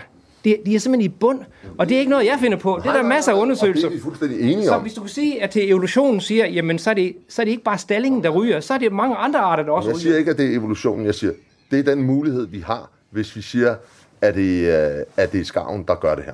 Så er det jo, så er det jo fordi den har ændret adfærd. Fordi skarv og stalling har levet sammen i 7.000 år. Så, Ja, så, så, du, så det er? skal vi sige, at den har ændret... Altså, påstanden er, skarven har ændret adfærd. Men der er nogle ting, der har ændret sig. Altså vi ved, at det gennem den lille istid, der var fra år 1500 til 1850, der var der ingen skarv i, øh, i Østersøområdet og nordpå. Hvorhen, hvornår? I, i, fra år 1500 til 1850. De knogler, man har fundet, har været, har været store skarv. Det har man lavet svenske undersøgelser på. Ja, den, er, den, er, den vil jeg så, den vil jeg så øh, sige, det, det, det er en påstand. Nå, men- altså, den er, den er blevet, øh, den, den er disputed, den der. Nå, men der, der er faktisk lavet en undersøgelse, den er publiceret, og det kan godt ske, den er ikke rigtig, det skal jeg ikke kunne sige. Men der er også historiske beskrivelser. For første gang, man fandt skarv, altså i 1800-tallet, det var ved Lolland, hvor det var beskrivelser af det, ikke? Og dengang, når de havde jagt, så skrev man jo, hvor mange rev man skød, hvor mange rådyr, og hvor mange måger. Hvor... De skød jo alt, hvad der kunne flyve, ikke? Og det uanset, om de har reddet eller hvad som helst, ikke? De, de skød ingen skarver dengang. Der var ingen. Okay, så lad os sige, at der ikke var nogen. Nu er de her. De er her, og det er fair Og hvorfor er de kommet? Men det er, jo, det er jo fordi, at det, de, der er plads til dem. Præcis. Så det vil sige, det er den samme indvandring, vi har i Danmark, som vi har med skestorken og med sølvhangen. Altså, vi har fået en... Altså, det er derfor, jeg siger, mm. jamen, vi kan godt bekæmpe evolution, vi kan godt bekæmpe, at der er en art, der indvandrer, men det er en naturlig indvandring, der er foregået. Ikke bare her, men det er jo sådan set også foregået. Og, og det kan godt være, at vi siger, at Danmark er speciel i forhold til hele resten af verden, hvor man bekæmper skarver. Så ja. at, at det, vi gør i Danmark, er fornuftigt. Alle de andre er idioter, men vores bekæmpelse af skarver er til for naturens skyld. Ja. Jeg, jeg vil gerne dreje den en, en lidt anden retning, fordi for mig så handler det her jo, altså, øh, handler det her, synes jeg, det her det er en diskussion også i høj grad om, om biodiversitet. Fordi øh, fair nok, at du siger, at der er nogle skarver, de er måske kommet, og de er enormt gode til det, de gør, og de, de spiser en masse fisk og sådan noget. Det kan godt være evolutionen, at de så har ændret adfærd og sådan nogle ting der. Øh, men, men for mig er der flere ting i det her, fordi for mig, der synes jeg jo, at, at den hele og den, den store natur, hvor der så vidt muligt er plads til så meget som muligt forskelligt, har værdi. Øhm, og, øh, og, og, og derfor synes jeg jo, for eksempel, hvis vi kigger sådan noget som, som en snabel og en bækker og en laks og en stalling, det er jo sådan set alle sammen, jeg er klar over, at jeg er farvet, fordi det alle sammen er fisk, undtagen snabel, som jeg gerne vil fiske, og som jeg, som jeg holder meget af. Men, men, men de er simpelthen så presset i bund af den her skarv, øhm, at, at det går hen og kan blive problematisk. Og om man ikke på en eller anden måde kan finde ud af at sørge for, at der kan, måske kan være plads til det hele. Øhm, fordi når vi siger det her med, at den har udviklet sig, øh, skarven, og den, den, øh, den har ændret adfærdsmønster og sådan nogle ting, så vil jeg gerne drage den parallel tilbage til noget, Niels Aage sagde, det her med, at vi ikke har ret meget natur. Øhm, ægte natur i Danmark, og det har vi ikke. Og det, som også man kan se, er, er et af de, de steder, hvor jeg tænker, at, at, at noget af det, som, som, som er, hvad skal man sige, øh, det mest centrale i den her snak, det er jo, at vores havmiljø for eksempel har det så ringe, som det har det. Der er ikke ret mange fisk tilbage ude i havet. Nærmest ingenting, og, og hvad det hedder, bierhvervsfisk og alt sådan noget, de lukker fra en, fra en kant af, fordi der er ikke ret mange fisk tilbage ude i havet. Og så er det klart, at, at, at skarven vil jo fiske der, hvor den kan fiske. Så, så derfor, så, så, den skal jo have noget mad, så derfor så fisker den jo der, hvor den kan fiske. Men, men, men hele præmissen for diskussionen her, synes jeg sådan set ikke er om, om hvad det hedder, om skarven har ændret adfærd eller noget af den ting, men simpelthen, at vi har en natur, som er i, ikke er i balance. Og fordi den ikke er i balance, så vil der være noget, som bliver favoriseret på, på bekostning af noget andet. Hvis alle år i Danmark, og vores havmiljø var fuldstændig perfekt, så tror jeg sådan set ikke, vi ville have den her diskussion og den her snak, for så tror jeg, der ville være fisk nok til alle fuglene. Jeg tror, der ville være øh, hvad skal man sige, fødegrundlag nok til, at der kunne være en meget, meget stor, og sikkert også større bestand af skarven, der er nu. Men det er ikke det, der er tilfældet. Tilfældet her er, at alt er presset i bund. Så det, der i virkeligheden er tale om her, det er jo sådan set, at vi diskuterer krummerne. Der er kun nogle få bitte krummer tilbage. Der er kun nogle få bitte habitater til stallingerne. Der er kun nogle få bitte habitater til, til fiskene ude på kysten. Så, så, det, så den lille bitte smule krummer, der er tilbage, den er, den er utroligt unik og utroligt vigtig at passe på. Og det er derfor, at skaven kan gå hen og blive et problem her, og det er derfor, skarven kan komme hen og komme til at udkonkurrere en anden art. Men så lad mig sige noget andet. Altså, øh, det her, det er jo ikke en ny ting. Det her er jo ikke noget. Vi gør det rigtig mange steder. Vi regulerer ja. sindssygt. Altså, jeg kommer jo, øh, jeg har jo en baggrund i fugleverdenen, og øh, vi regulerer sindssygt. Vi plukker kraver, vi skyder ræve for at redde vadefugle. Vi gør alt, hvad vi overhovedet kan for at, at bevare de her fugle. Og der skyder vi også. Øhm, og vi gør en hel masse. Man kan sige, hvad er det egentlig, vi kæmper for? Altså, hvad er det, hvad er det endemålet? Hvor, hvor er perspektivet i det her? Fordi vores perspektiv og jeres perspektiv, vores allesammens perspektiv, er jo, at naturen skal klare sig selv. Ikke? Så det er jo, at stallingen skal klare sig selv. Vi vil jo ikke den her forvaltning. Og jeg er i bund og grund ligeglad med, om man skyder skarver. Det, som irriterer mig ved den her debat, det er, at vi har fået udpeget skarven som slem fugl. Som, altså rigtig mange hader skarver. Altså decideret, der er ikke særlig mange, der hader ræve. Der er også nogen, der hader kraver. Det, er også, det, er, det synes jeg også er, er en skam. Men vi har udpeget, vi udpeger syndere.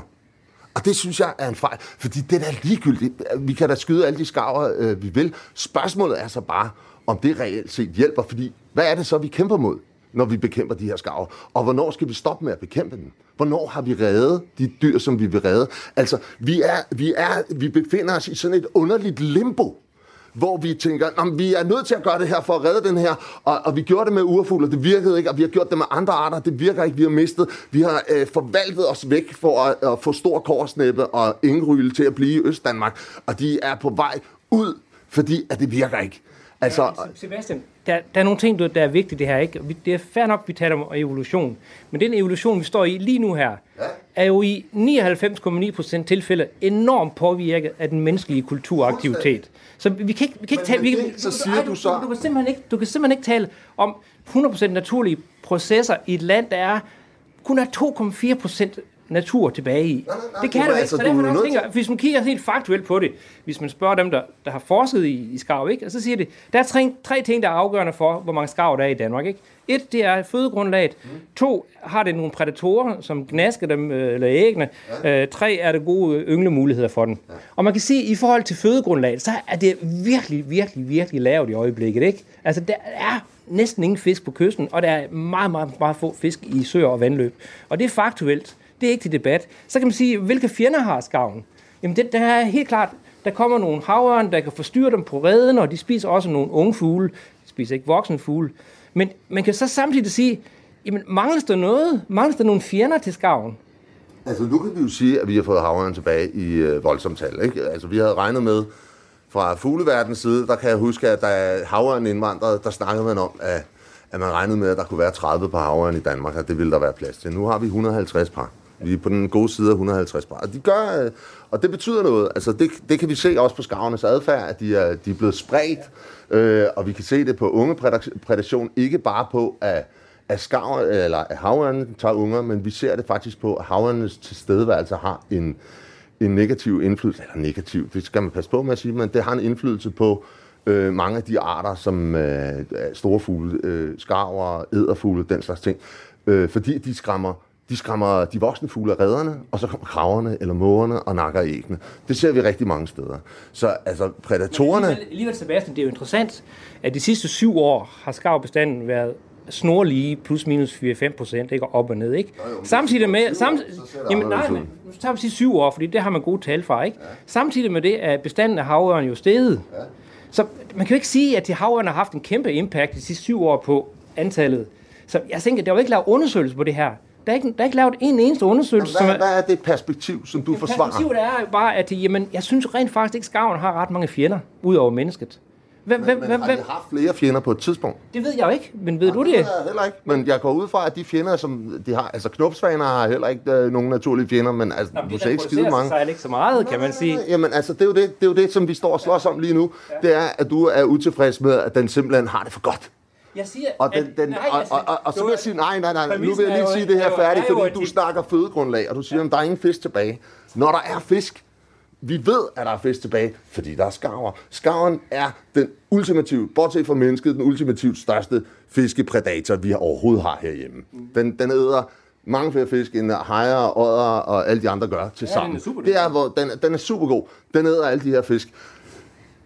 Naturen fungerer jo sådan, at hvis der er fødegrundlag, og hvis der er levemuligheder, så er der de arter, som kan være der. Det, til enhver tid. Naturen lyver aldrig. Der er det antal og de arter, som naturen har kvalitet til til enhver tid.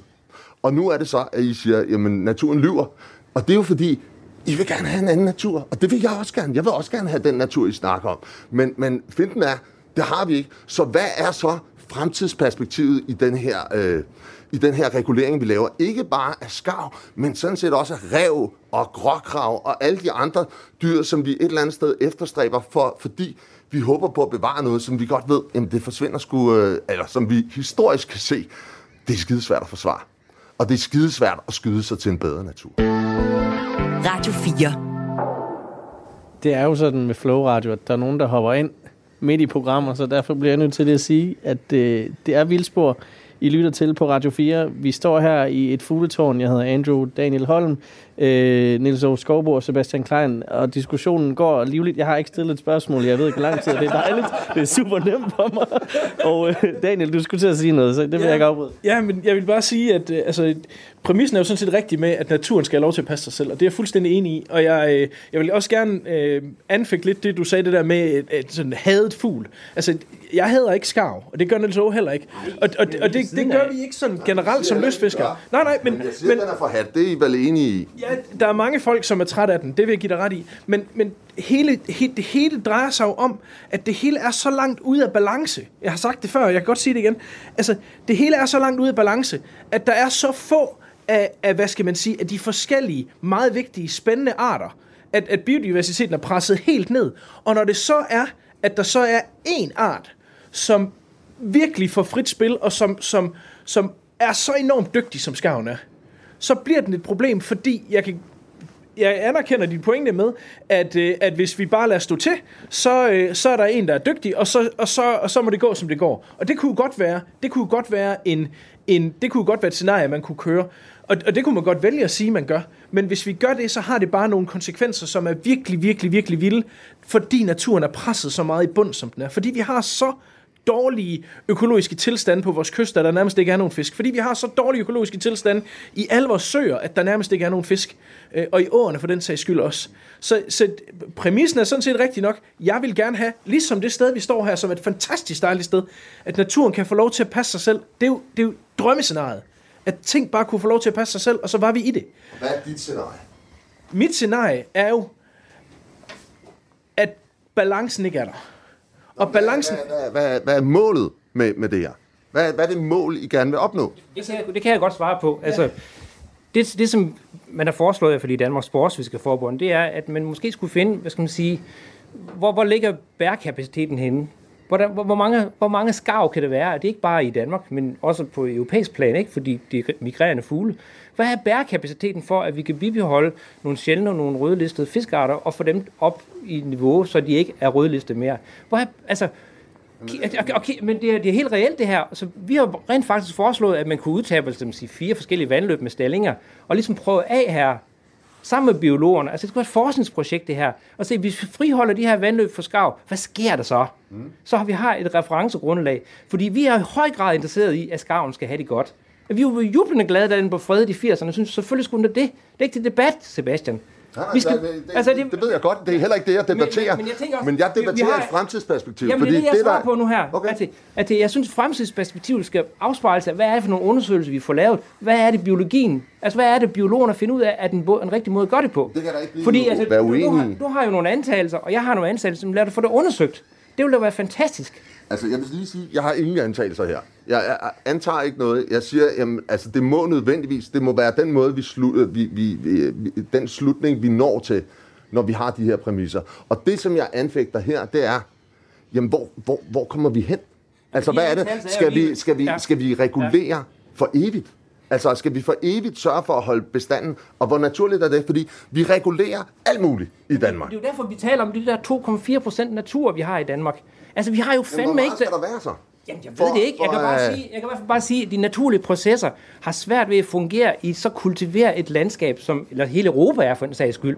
Og det er bare død ærgerligt, at du også hom- homo sapiens, vi fylder så frygtelig meget, og vi gør alt muligt. Men hvordan, hvordan sikrer vi de arter, som er så truet i øjeblikket. Og det er der, jeg, jeg tænker, hvis nu der er en... Skal, vi, hovedet på sømmen. Jamen, det er det, det handler jeg om, ikke? Fordi- du rammer hovedet på sømmen, når du siger, jamen, altså, hvor- hvordan sikrer vi naturen? Fordi, altså, hvordan sikrer vi en, en fremtidig god natur, som kan selv? Hvordan gør vi det? Præcis. Og, det er, og, det er, og jeg giver dig fuldstændig ret. Lad os lave nogle videnskabelige undersøgelser. Lad os finde ud af det. Men hvis konklusionen så bliver, at vi er nødt til konstant at regulere en naturligt forekommende art, som vi gør med mange andre naturligt forekommende arter, vil jeg mærke. Altså, vi gør det jo også med ræve. Vi hader bare ikke ræve, fordi den er pæn. Men, men, men, men vi regulerer jo også ræve, og vi regulerer dem i stor stil, fordi fordi vi passer på ærhøns, fordi vi passer på viber og dem der, så, så regulerer vi ræve. Øh, I virkeligheden så har vi fået et land, der er skide godt til ræve. Ikke? Vi har fået masser af skov tilbage. Øh, vi har øh, 14 procent skov. Øh, vi havde 2 procent for 200 år siden. Så vi har, vi har fået et land, som er proppet til randen med ræve. Og det betyder, at det er svært at være vibe, det er svært at være ærhøn. Vi har nærmest ingen ærhøns tilbage.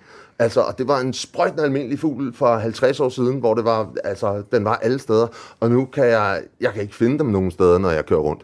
Altså, de er nærmest gone. Så der, der sker et eller andet. Og det, er jo, det, er jo, det har du fuldstændig ret i, at vores land har ændret sig, og betingelserne er ændret. Men naturen er ikke sat ud af kraft. Altså, det, det vil jeg fuldstændig... Øh, det, vil, det vil jeg... Øh, det, det vil jeg virkelig sætte mig imod, at man siger det. For de naturlige processer, de er der stadig. De er der stadig. Vi har bare påvirket dem i en anden retning. Og det vil sige, at der er nogle arter, der har fået det sværere af, at vi har gjort, som vi har gjort. Og, det, og der mener jeg, at det er der, at vi først og fremmest skal kigge på, hvad problemet er for stalling. At det er, og for, for, for snæbel, og for, i virkeligheden også for, for, for, for, for hvad der ellers måtte være masser af tilbage. der er ja. ja ikke? altså der er jo masser. Og det er jo primært vores skyld, kan man jo sådan set sige, fordi vi har ændret betingelserne. Vi har ændret landskabet i Danmark. Det ser ikke ud, som det gjorde for 100 år siden. For 100 år siden så det ikke ud, som det gjorde for 200 år siden. Så vi har løbende ændret det, og vi har ændret det meget kraftigt inden for de sidste 50-100 år. Øh, så betingelserne er anderledes. Men naturen fungerer jo stadigvæk på den måde, at der er, er dyr æder dyr. Øh, og, og, det, og det er bare svært at forhindre. Men du er også nødt til at acceptere, at det, altså, den kulturlandskab, vi har, ikke, mm. har jo favoriseret nogle arter, ikke? Jo. Altså for eksempel, læste en artikel om Canada Gæs i, i Nordamerika, ikke? Hvor der, de overvintrede på de der marker nede i Midwest, ja. og der var så meget grønne marker, og de døde ikke, så de på, på, på, på vintertræk. Så der kom ekstremt mange... vi har øh, også kan- sindssygt mange gæs i Danmark. og De er også og de, de har ændret altså biodiversiteten på tundraen, fordi at de skider så meget, og det blev så, altså de der næringsfattige jorder blev næringsrige. Så det har ændret kultur og landskabet, og der er, u- altså, hvad skal man sige, man kan sige, det måske har et unaturligt højt indhold af gæs på de, de pastorater, ikke? Det kan man jo sige ud fra den, den historiske betragtning, vi ser på naturen med. Men så det er på grund af, at markerne er kommet til, de dyrkede marker, ikke? Men det er så gået ud over anden biodiversitet. Og sådan, altså, sådan er det jo her i kongeriget, ikke? Altså, vi har jo simpelthen så meget påvirkning her og der og alle vejen, ikke?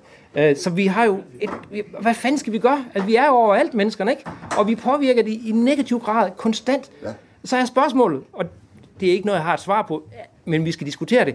Er vi nødt til at gøre noget ved noget, for at få balance i det igen, fordi vi i forvejen har gjort enormt meget, rigtig, rigtig meget. Altså, jeg tænker bare, at det der 2,4 procent vild natur, Jamen, det er, jeg det er sygt let, ikke? Det er altså, sygt let, og det er jo der problemet Jeg tror, ligger. jeg tror, I er meget enige om, at det er for lidt natur. Det, det, øh, Jeg tror ikke, det er det. Spørgsmålet er, hvordan skal vi, hvordan skal vi afhjælpe det? Afhjælper vi det ved en konsekvent tid- og evighedsregulering af skarv og rev og grave, eller, eller hvordan, hvordan, hvordan når vi i mål? Fordi det, der må være målet, når vi kigger på naturområdet, her er vi ved Skærningen, og det er forholdsvis, altså, det er forholdsvis selvkørende. Vi har nogle køer, der bliver sat ud, men altså, det er jo det, vi skal have. Vi skal jo have en selvkørende natur, som vi ikke skal pille ved. Det er jo den ægte, sande natur. Det er jo den, vi ikke forvalter men der er stadigvæk Kan langt vi- til det 2,4 procent. kan, kan, vi, kan vi, Niels Aage, kan vi pause her, og så tage det spørgsmål op igen? Fordi det regner ikke mere, så jeg tænkte på, om vi skulle gå ud og, tr- og træske lidt.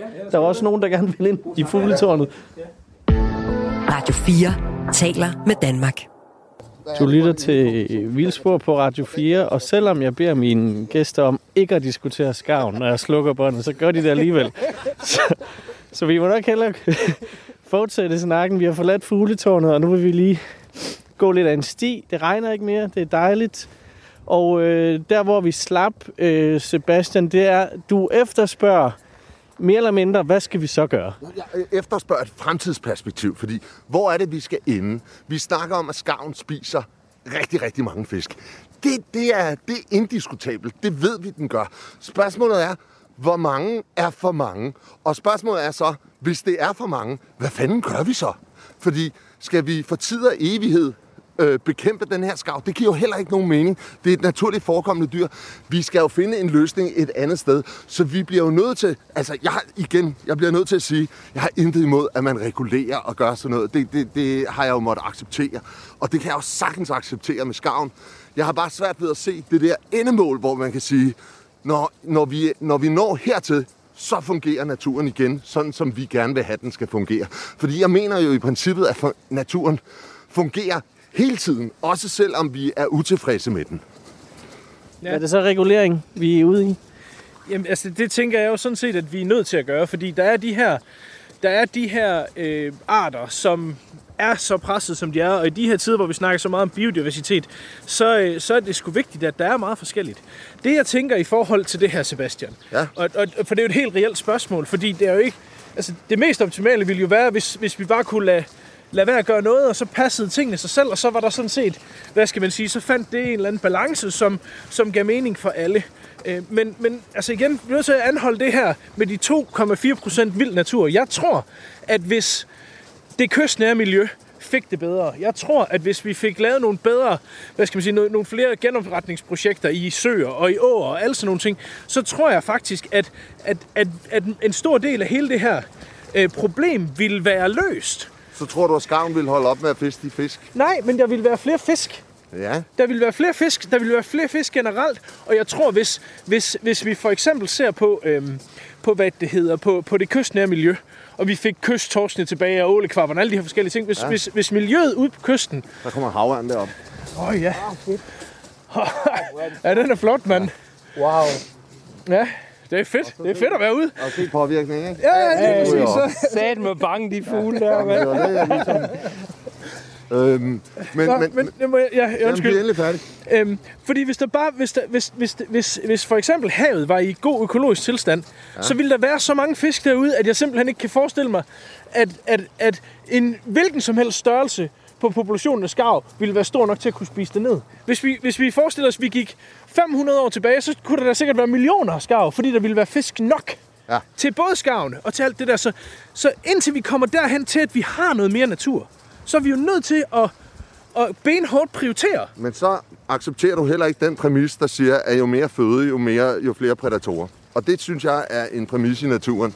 At jo mere mad der er, det kan vi se på alle de andre prædatorer jo, når der er udnyttede føderessourcer, jamen så flytter de ind. Det kan vi se blandt andet den havørn, der kom. Der har været en udnyttet ja. føderessource her, derfor så er havørnen kommet tilbage og har fundet et paradis her. Ja.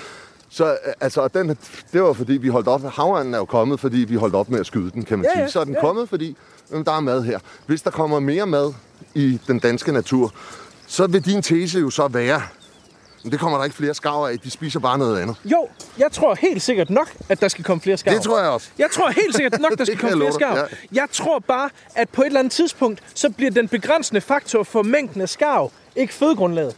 Fordi hvis der er føde nok, og det tror jeg, der vil være, så vil det måske være nogle andre ting, som begrænser. Så er det redekapacitet. Så er det red, ja, lige præcis. Så vil det være... Så, fordi lige nu er, er den mængde af skarv, vi har jo, det, altså, de facto defineret af den mængde af føde, der er til dem. For de spiser jo Ja, ja. Og så kan man sige, det meget der, nærmest råb og stuppe, hvad der er. ja, og så kan man sige, det der er sket, det er jo, at havørnen har spredt kolonierne ud. Vi har fået flere kolonier. Ja. De er bare blevet mindre. Før i tiden, så kunne vi jo have kolonier på flere tusind par. Ja. Øh, det har vi ikke længere. Nu har vi øh, mindre kolonier på højst nogle hundrede, ikke, som regel. Øh, så, så, så der sker hele tiden noget, og det jeg mener, vi skal passe lidt på med, med den her snak, det er at se øh, naturen som noget statisk. Naturen er jo røvhammerne dynamisk. Altså det vil jo sige, den ændrer sig hele tiden. Både i antal, og når vi ser en bestand af... Nu, nu snakker vi om øh, bestanden af skarv de sidste syv år. Hvis vi går 20 år tilbage, så vil vi se nogle yderpunkter på, tror det var, var det 27.000 par og 42.000 par. Altså, at den har ligget og svinget imellem. Øh, så, så det bevæger sig også i takt med både fødeemner, men det må nødvendigvis også øh, svinge i takt med, hvad der er af prædation.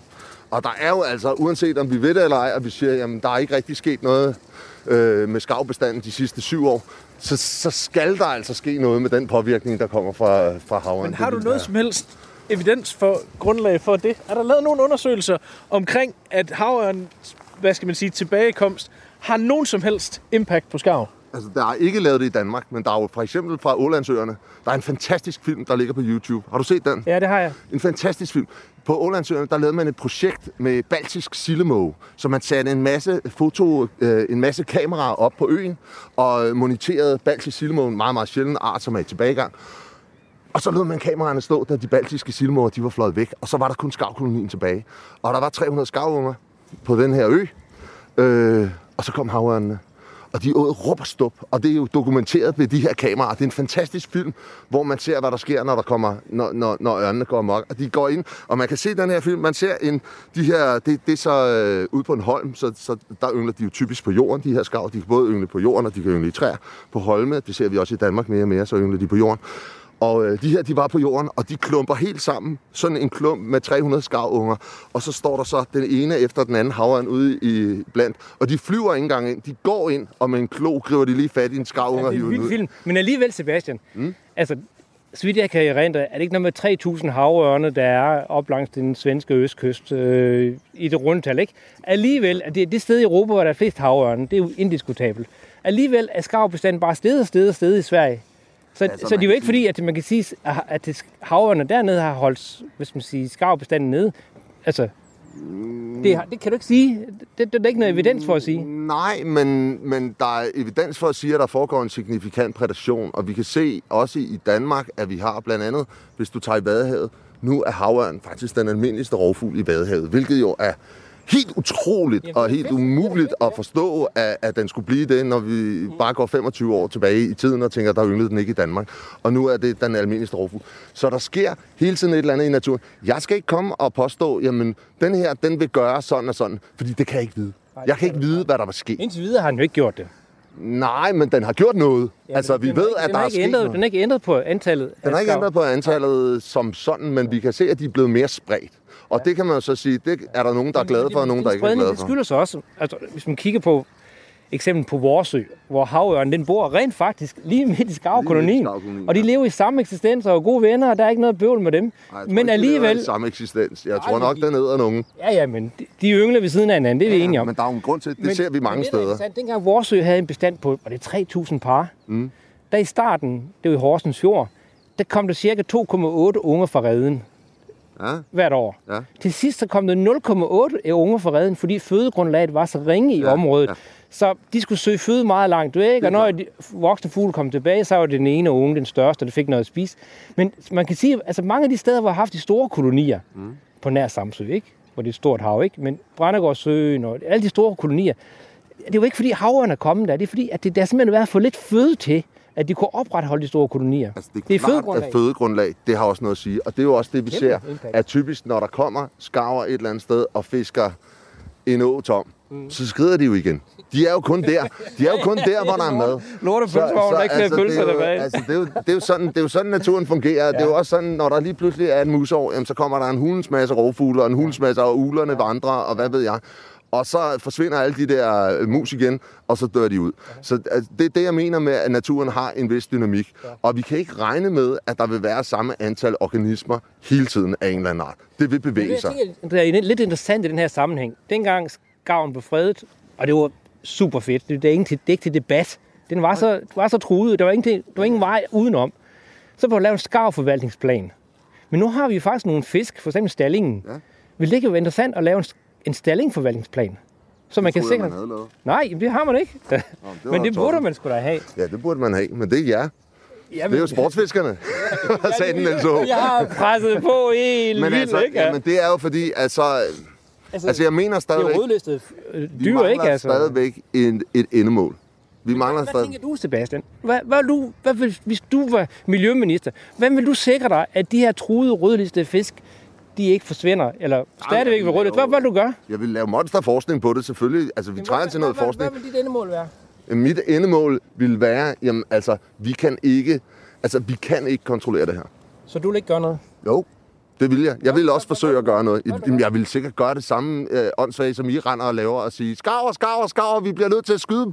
Men, men jeg mener faktisk, at vi der, er, Sebastian? vi er i, vi, men vi er jo i et sted, hvor det her er problematisk, fordi vi ender med at snå, øh, og det er det, jeg siger, hvis vi hvis det viser sig, at vi slås mod evolution, så er det ligesom at slås mod vindmøller. Altså, så, øh, hvis det er sådan, så skarven er indvandret. Hvis, hvis vi virkelig, virkelig forestiller os, at den ikke har været her, hvilket jeg ikke tror på, Nej, den har været her. Altså, den har samme eksisteret. Og hvis vi så lige pludselig siger, nu kan de ikke samme eksistere mere. Nu har vi en naturlig forekommende art, som udrydder en anden naturlig forekommende art. Så er, så er den art på spanden. Fuldstændig. Men vi er bare nødt til at kigge på det her, Ja, det her det er landskab, jeg vi har. At Vi vi, er vi, er, vi er det. fuldstændig fucked, for vi har så lidt vild natur.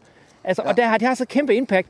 Altså, Sebastian, jeg knus elsker dig som mennesker, og som det af naturmenneske, du er, og jeg har fortalt, at jeg har læst dine bøger Ja, for mine men- børn. Men vi er fandme nødt til at kigge på hele pisset, ikke? Og få, få den her natur, og passe på de der sjældne arter. Ligesom majgøgeurter skal vi passe på. Ligesom, altså, der er nogle insektarter, vi skal passe på, ikke? Jo, jo. Altså, vi er nødt til at gøre en indsats, for at de ikke forsvinder. Ja. Og der, jeg køber altså ikke præmissen, når man siger, ved du hvad, vi lader evolutionen køre sin gang Nej, nej, her. Siger jeg heller, fordi, det siger jeg heller ikke. Jeg siger, hvis det er det, der er, er, er hoved, øh, hvis det er det, der er issuen her, ja. det er, at, at vi slås mod evolution, så slås vi mod vindmøller. det gør vi. Altså, men, og hvis det er det, men, men hvor fanden er så perspektivet? har jo på- påvirket evolution i ekstrem grad. Altså, vi er så mange milliarder mennesker. Altså, man kan jo ikke, hvis du flyver hen over Danmark og kigger ud på landskabet, der, er der er jo kun marker tilbage. Ja, ja. Altså, vi påvirker med overfiskeri, vi, vi påvirker med vi ekstrem næringstilførsel skal til vores ikke. vande. Niels Aage. Men vi påvirker. Ja, ja. Vi påvirker evolution, og vi har gjort det igennem de sidste, i hvert fald 200 år, i ekstrem grad, ikke? Men hvis fremtidsperspektivet er, at vi for tid og evighed skal regulere, så er det skidt jo. Det er lorteskidt. Jeg er enig. Det skal vi jo ikke. Men hvad gør vi nu og her, Sebastian? Hvad, Jamen, hvad er dit altså, sigte? Hvad vil jamen, du gøre? Mit sigte er, at vi bliver nødt... Altså, jeg tror ikke på, at der er en naturlig art, der udrydder en anden naturlig art. Det ville være så usædvanligt. Jeg spørger dig, hvad vil du gøre med de her truede fiskearter? Hvad vil du gøre, hvis du er miljøminister? Hvis du havde magt, som du havde agt, ikke? Hvad vil du gøre? Jamen, altså... Dit natursyn Jamen, det gælder jo igen, også, jeg vil- jeg øh, vil- også fisken. Altså, hvis jeg var miljøminister, så ville jeg jo med det samme sørge for at udpege en hunds masse natur, så vi fik de der 20-30 procents natur, som vi egentlig skal have i ja. Danmark. Det kan der ikke være nogen tvivl om. Det vil være det er jo den eneste løsning, der er på det her problem. Det er, at vi får mere natur. Enig. Der er ikke, der er ikke nogen anden løsning. Men det tager jo noget tid. Hvad gør, vi, gør det. hvad gør vi i mellemtiden? Jamen, ja. altså, som jeg har sagt før, for min skyld, I kan plukke alle de skarver. Vi kan plukke alle de skarver, vi overhovedet vil. Jeg er ligeglad. Vi skal bare have et fremtidsperspektiv, der sikrer, at vi ikke skal gøre det for evigt. Fordi regulering holder ikke som, som naturforvaltning. Altså, når vi skal regulere, vi skal have et forvaltnings, en forvaltningsfri natur, som kører selv. Hvis vi tager ud i, øh, i den store hvide verden og ser, hvordan natur fungerer der, så har vi forvaltningsfri natur. Det er der, det fungerer.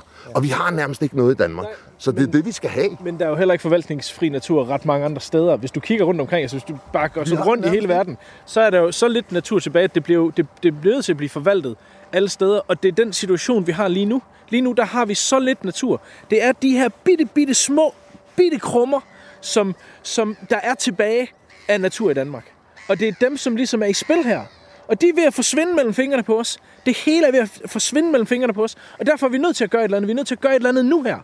Øhm, og så håber jeg da meget, og, øh, men som I, som jeg også siger, målet på den lange bane må da helt klart være, at vi skal have så meget som muligt, der kan klare sig selv, når vi når dertil. Men der er vi bare ikke nu. Men jeg tænker også, altså det vi gør nu, vi forvalter jo i vildskaben med vores naturnationale parker. Det er forvaltning. Vi sætter hegn op, vi sætter hest ud, sætter kvæg ud. Og jeg synes bare, det er en fantastisk idé. Men det er jo dybest set forvaltning. Det er det. Altså, altså jeg det, er, det er noget... Det er ikke bare forvaltning, det er ovenikøbet frimærk forvaltning, fordi de hegner det ind. Ja, men vi er Så jo i det gang med er- at forvalte, så jeg tænker bare... Altså, mit sigte er, og det, det jeg synes, det er en fed snak med dig her, ikke?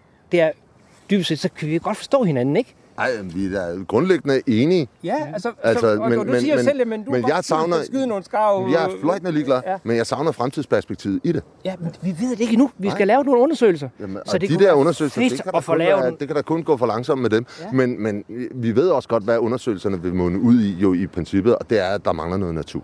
Ja, præcis. Altså, Ja. det, er, det er den vej, vi, vi skal gå.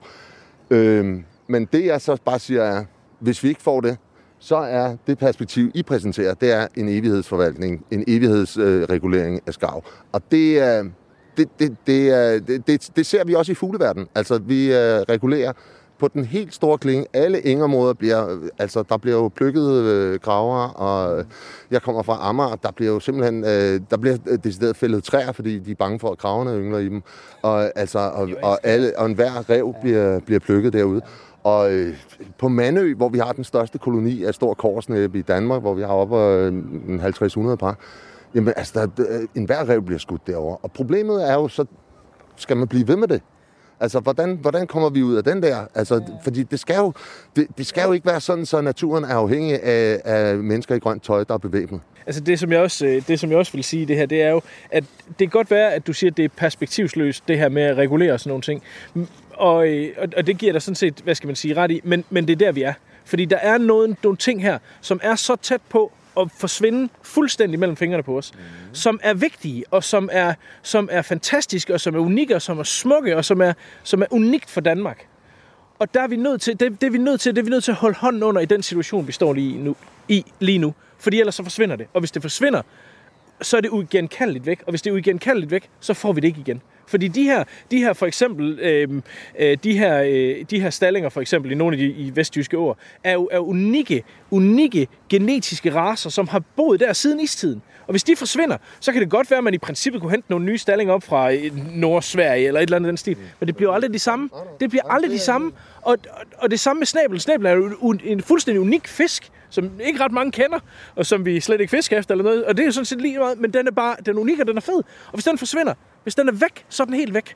Nu kender jeg noget til snæbel, og nu Ja. bliver vi nødt til at åbne den der, fordi øh, dels så, øh, problemet med snæbel er jo, at den måske slet ikke er en snæbel, den måske er en held og en økoform og sådan noget lignende, men pyt nu med det, evolution, så er det en, en, uanset anden, en hvad. anden fisk end, Uanset end en hvad, held. så er det en anden fisk, fordi den har et eller andet biodiversitetsmæssigt, så er det en, en anden form, uanset hvordan vi Ja. vender og drejer det. Men der har vi jo, altså, der har vi et, et enormt skavfattigt område. Altså, Vadehavet er møghammerende rigt på fugle, utrolig fattig på skarver. Der er ikke særlig mange skarver, og skarverne i Hvidovren er meget, meget få. Så, så, så prædationen dernede, der blev lavet en undersøgelse på et tidspunkt med nogle mærker, hvor man satte mærker på, øh, på fisk, og så fandt man ud af, at de der mærker, dem genfandt man under træ, hvor der restede skarver. Det man så glemte i den undersøgelse, det var, at der også restede både fiskeørn, sølvhajer, fiskehajer og havørn i samme træ. Og, og det vil så sige, så, så det var helt naturligt, at det ville være der, at, at man ville genfinde de der mærker. Så skavprædation på snæbel, jeg vil sige, det er ikke sådan, vi redder, vi, vi redder ikke snæblen ved at, at plukke skarver. Vi redder snæblen på samme måde, som vi jo i virkeligheden redder stallingen.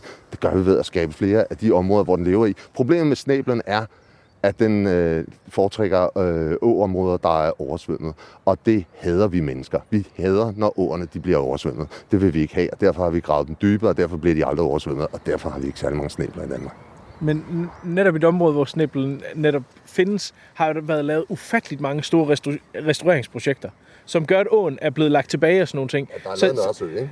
Og man også fjerne styrt. Altså, Ja. ja. fisken kan komme op i systemet og gyde. Ja. Ja. Og, og man ved jo rent faktisk på undersøgelsen, det har DTU jo lavet adskilligt på, at det, der er god ynglesucces, der kommer små bitte snæbel ud, og de trækker ud. Og når de her elfisker, har de fundet enormt mange af, altså de der snæbel med skarv mærker på, ikke? Så der er en prædation. Ja, vi, vi, Ja. ja. Altså igen, dem, der spiser snæbler, ja. er skarver. Primært. Primært. Altså, alt, der spiser fisk i Danmark, som ikke er mennesker, det er primært skarver. Ja, lad, det lad, lad os lægge det fast. Ja, det gør det. De, Så, øh, så, så der er ikke nogen grund til, at vi overhovedet Nej, diskuterer nej, om, hvorvidt en, nej, en skarv er. Spørgsmålet er, prædation er naturligt. Altså, det er jo det, som vi bliver nødt til at have med i. At det foregår ude i naturen. Når der er noget, der, der kan spises, så bliver det spist. Radio 4. Der er få minutter tilbage i programmet. Jeg tør næsten ikke spørge jer, fordi så, så kører I bare øh, derudad. Men øh, har I... Øh, jeg, kan, jeg kan måske starte med at spørge Daniel, fordi det, er jo lidt, det udspringer lidt af din video. Øh, har du fået det ud af det, som du regnede med? Ja, det vil jeg klart sige, jeg har. Øhm, og så har jeg fået lov at møde Sebastian sådan i real life. Det er også, det er også fedt. Øhm, ja, men altså... Fordi det, jeg sådan ligesom kan fornemme på det her, det er jo sådan set, at vi, vi meget langt hen ad vejen er, er enige. Øhm, og, øh, og vi er enige om, at der skal være noget mere vild natur. Øhm, og, øh, og, og, og det nok langt hen ad vejen vil, vil løse en stor del af de problemer, der er nu noget mere vild natur. Øhm, og så, øh, så synes jeg også, det er enormt dejligt at få, få snakket det her igennem, og få, få, få, få lov til at, øh, at blive hørt i forhold til, øh, at vi som lystfiskere ikke bare kun tænker på at få så mange fisk som muligt, og så være fuldstændig ligeglad med resten. Øhm, fordi sådan er det ikke at være lystfisker. Det at være lystfisker betyder, at man godt kan lide at være ude i naturen med sin fiskestang, men at man elsker naturen som helhed, og man er enormt glad, når man ser en isfugl, eller man ser en stor vandsmed nymfe, eller man ser en eller anden mystisk lille gøgeurt eller plante eller noget af den stil. Og det er sådan set det, der er det vigtige for os lystfiskere. Vi vil gerne fange nogle fisk, og vi råber vagt i gevær, fordi der er nogle af de fisk, vi elsker aller, allermest, som er presset så meget i bund, at de næsten helt er forsvundet. Og det er vi nødt til at adressere. Sebastian, det, synes, vi, vi har gjort i dag. Hvad sagde du? Og det synes jeg bestemt, vi har fået gjort dag, og fået snakket rigtig godt og grundigt om. Sebastian, hvad tænker du? Jamen, jeg tænker, at vi er nødt til en forståelse af, at skarven er hjemmehørende i Danmark, og det er ikke en invasiv art, det er ikke et skadedyr. Og hvis folk har en plan, som er andet end evighedsregulering af en art, jamen, så er det fint med mig. Altså, jeg har ikke nogen problemer med det, men det nytter bare ikke noget, at vi tager og siger, den her art er dårlig, eller den her art er dum. For det, det findes ikke. Og der er, øh, alle arter har samme berettigelse, og det er, vi er alle sammen en del af evolutionen, og vi har alle sammen fundet vores nischer. Skarven har desværre bare fundet øh, en niche, hvor den spiser rigtig, rigtig mange fisk. Og det er, det er upopulært hos mange. Men jeg synes, at både Daniel og Niels Aage har en stor forståelse for, hvad der egentlig er problematikken, eller hvor, lad mig sige, hvor vi skal hen, hvis vi skal løse problemerne for for eksempel øh, stalling. Jeg tænker, at det vigtigste, vi har snakket om her, Sebastian, det er, at vi, er jo enige om, at vi skal passe godt på skarven. Og vi er også enige om, at vi skal passe på fiskene. Det er vi jo enige om. Og så synes jeg, at noget af det vigtigste det er, at vi er også enige om, at vi har et her og nu-problem, hvor der er nogle specielle fiskearter, som er rødlistet, som der har det svært.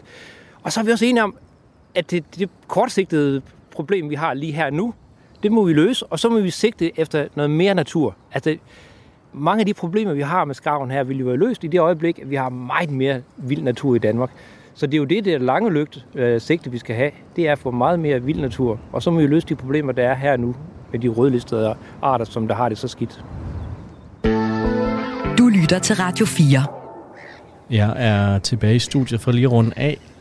Vi har lige lidt mågelyde fra turen i baggrunden. Skavn, den sagde ikke så meget, da vi var afsted. Tak til Thomas Breinballe, der mødte os i studiet. Tak til Daniel Holm, Nils og Skovbo og Sebastian Klein, der tog turen med os til Skjern Å, og som ikke var bange for at lade bølgerne gå lidt højt. Tak til Rasmus for at overlade tøjlerne til mig. Han er tilbage i næste uge. Programmet er produceret af Videnslyd for Radio 4, og nu et haiku. Skarv udfolder sig. Fugl på jagt, stalling i skjul. Natur mangler plads.